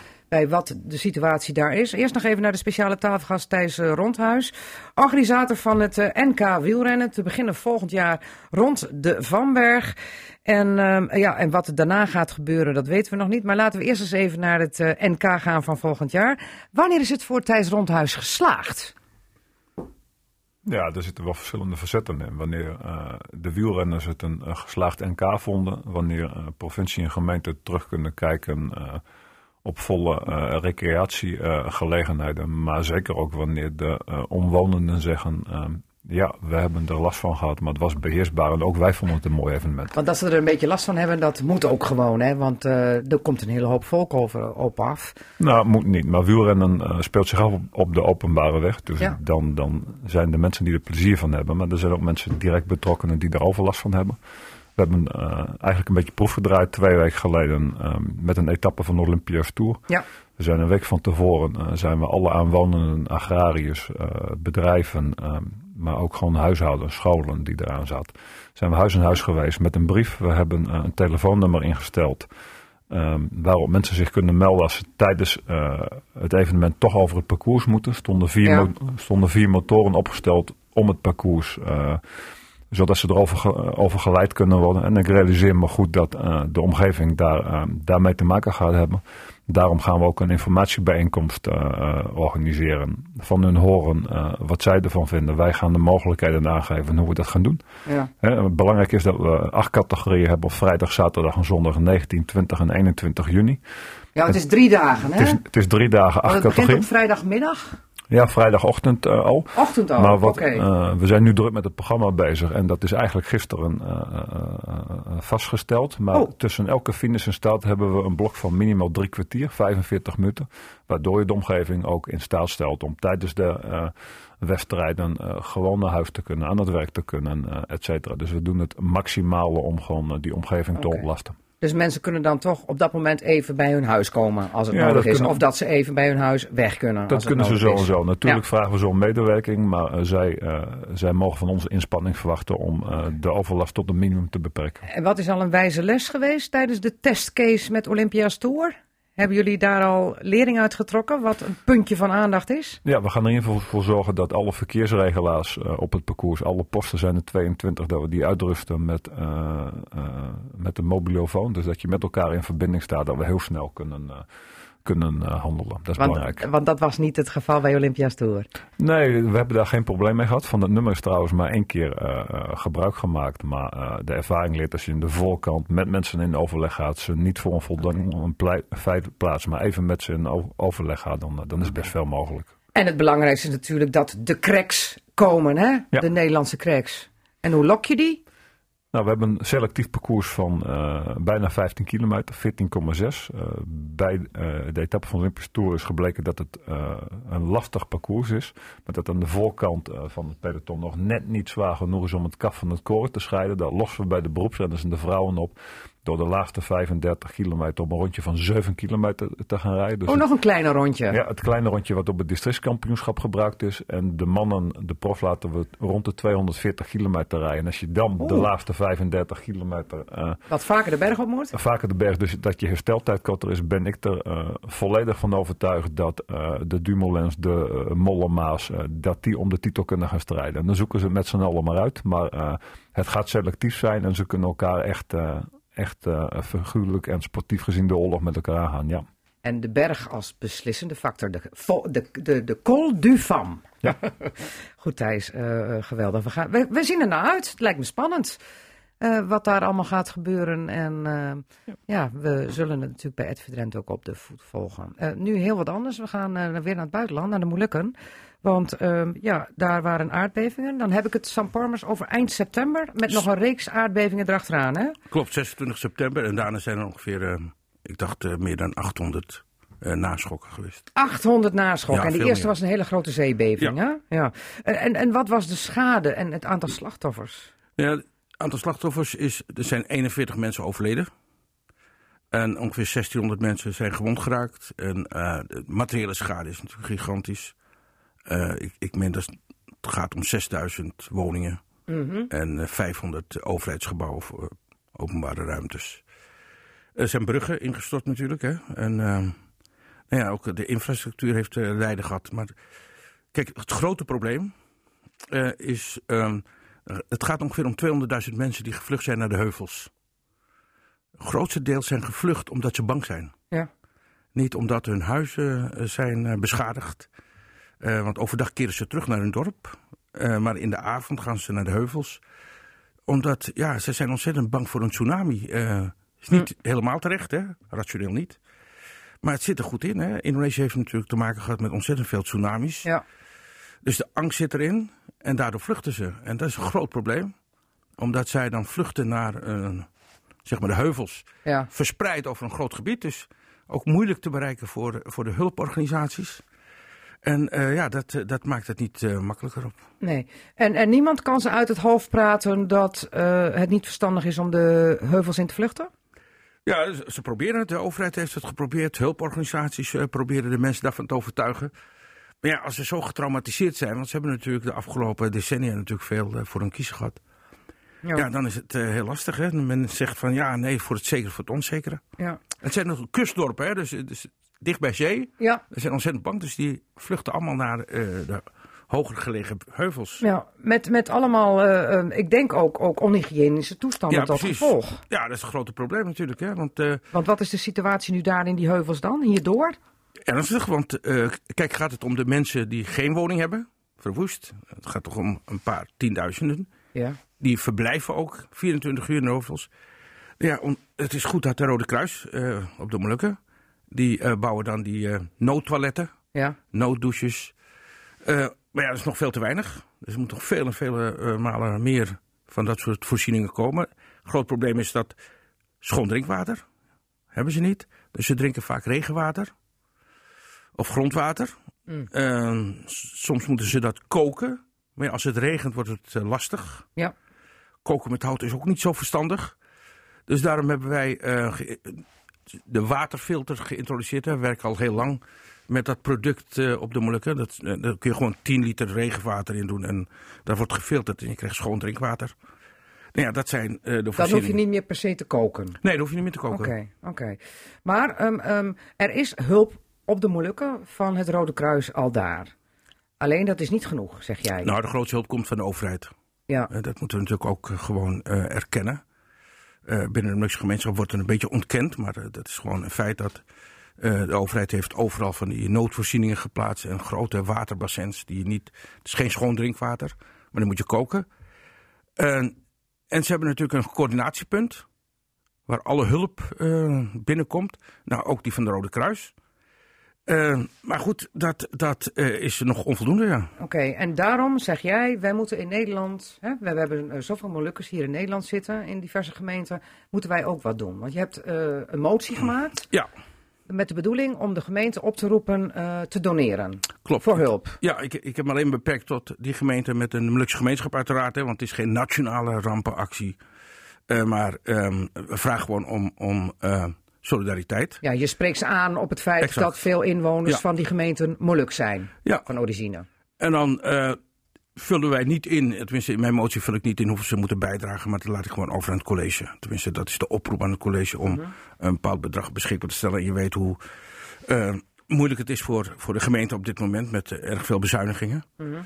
Om, eh, dus de, dan kun je geen 1 euro per inwoner vragen. Maar je laat het gewoon over aan eh, de goedgevigheid van Ja, de goed, gemeente. het is eenmalig natuurlijk. Hè. Het is Ja. niet zoiets dat het structureel Het doorwerkt in de begroting. Nee. Maar eh, nou hebben we bijvoorbeeld, je zegt ook provinciaal.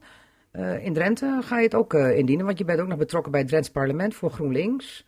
Ehm, je wilt ook dat de provincie Drenthe geld geeft. Ja, nou, ik heb alle provincies aangeschreven. Want bijna in alle provincies heb je Ja. een luxe gemeenschap. Ik wou net zeggen, je hebt nou de provincie Ja. Drenthe, maar dan heb je ook nog de gemeente Assen, de gemeente Midden-Drenthe Ja. en de gemeente Hogeveen. Maar heb je van die kant al wat gehoord?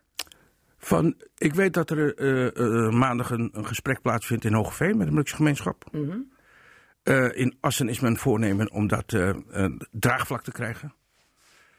In, in Speelde ook. Dus, eh, Maar daar heb je nog verder geen witte rook. Nee, maar dat komt omdat de begrotingsbehandelingen nog moeten plaatsvinden. Ja, dat En klopt. Het is Het nou begin herfstvakantie. november. Toch? begin november. Het is herfstvakantie, dus eh, dat is eh, even lastig. Ja. Maar ze willen ook altijd weten, oké, mooi, geld, maar waar gaat dat naartoe en komt het wel op de goede plek? Omdat dat ook altijd weer de discussie is. Ja, hè? dat- We gaan geld geven, waar komt het terecht? Helemaal gelijk. Dat is ook het grote probleem. Er zijn tientallen initiatieven onder de, onder Molukkers. En je weet niet precies wat ze ermee willen en wat Mhm. ze doen. Er zijn ook acties die zeggen van help mijn familie. Ja, dat komt alleen bij de familie terecht. Dat is ook niet de bedoeling. Er Maar zijn ons- waarom weten wij zeker dat het geld wat jij nu vraagt op de goede plek terechtkomt? Want je bent ook nog betrokken bij een stichting, hè? Ja, wij, wij doen dat uitsluitend voor de Rode Kruis. En je mag toch wel aannemen dat eh, het wel goed zit met de Rode Kruis. Wij zeggen als stichting, hè, want eh, wij zitten in de overgangsfase. Want nu is de Rode Kruis bezig om rechtstreeks met de Rode Kruis in Nederland contact te leggen, zodat dat via hen loopt. In die tussentijd hebben wij afgesproken met de Rode Kruis op de Molukken, hè, dat is ook onze partner.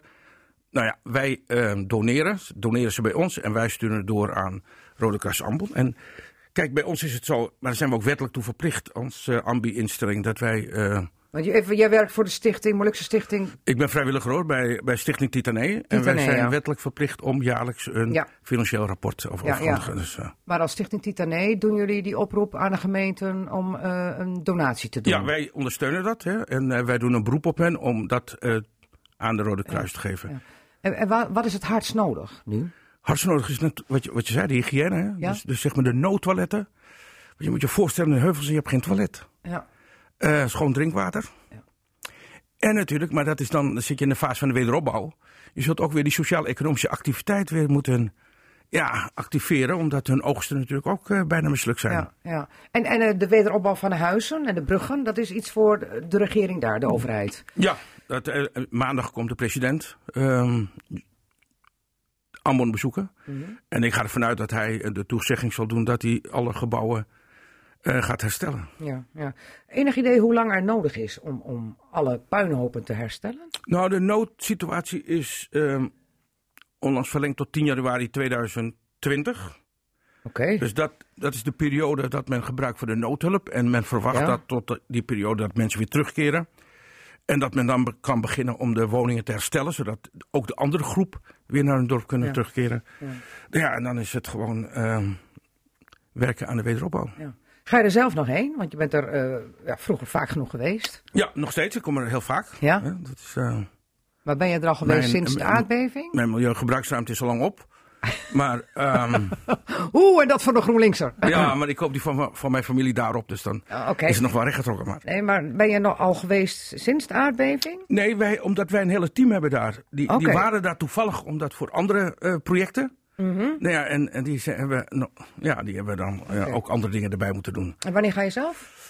Volgend jaar. Ja, Volgend jaar? ja volgend jaar. Oké. Eerst dit even Is dit regelen. even goed coördineren hier? Oké. En wanneer eh, denk je dat het duidelijk is hoeveel gemeenten eh, een donatie gaan doen? Nadat alle begro- begrotingsbehandelingen zijn geweest. November wordt dat dus. Ja, Oké, goed. Eh, wij gaan afwachten eh, hoe dat eh, gaat met die motie en de oproep om geld te doneren.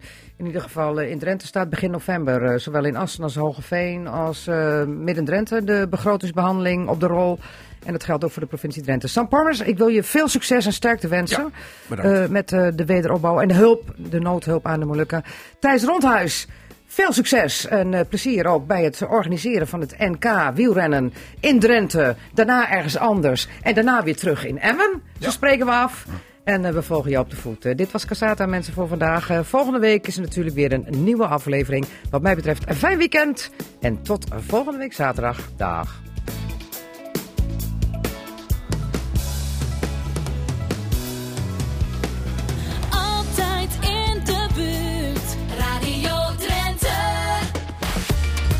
Je luisterde naar Casata. Dat is te beluisteren als radioprogramma op zaterdagmiddag, maar sinds kort ook als podcast.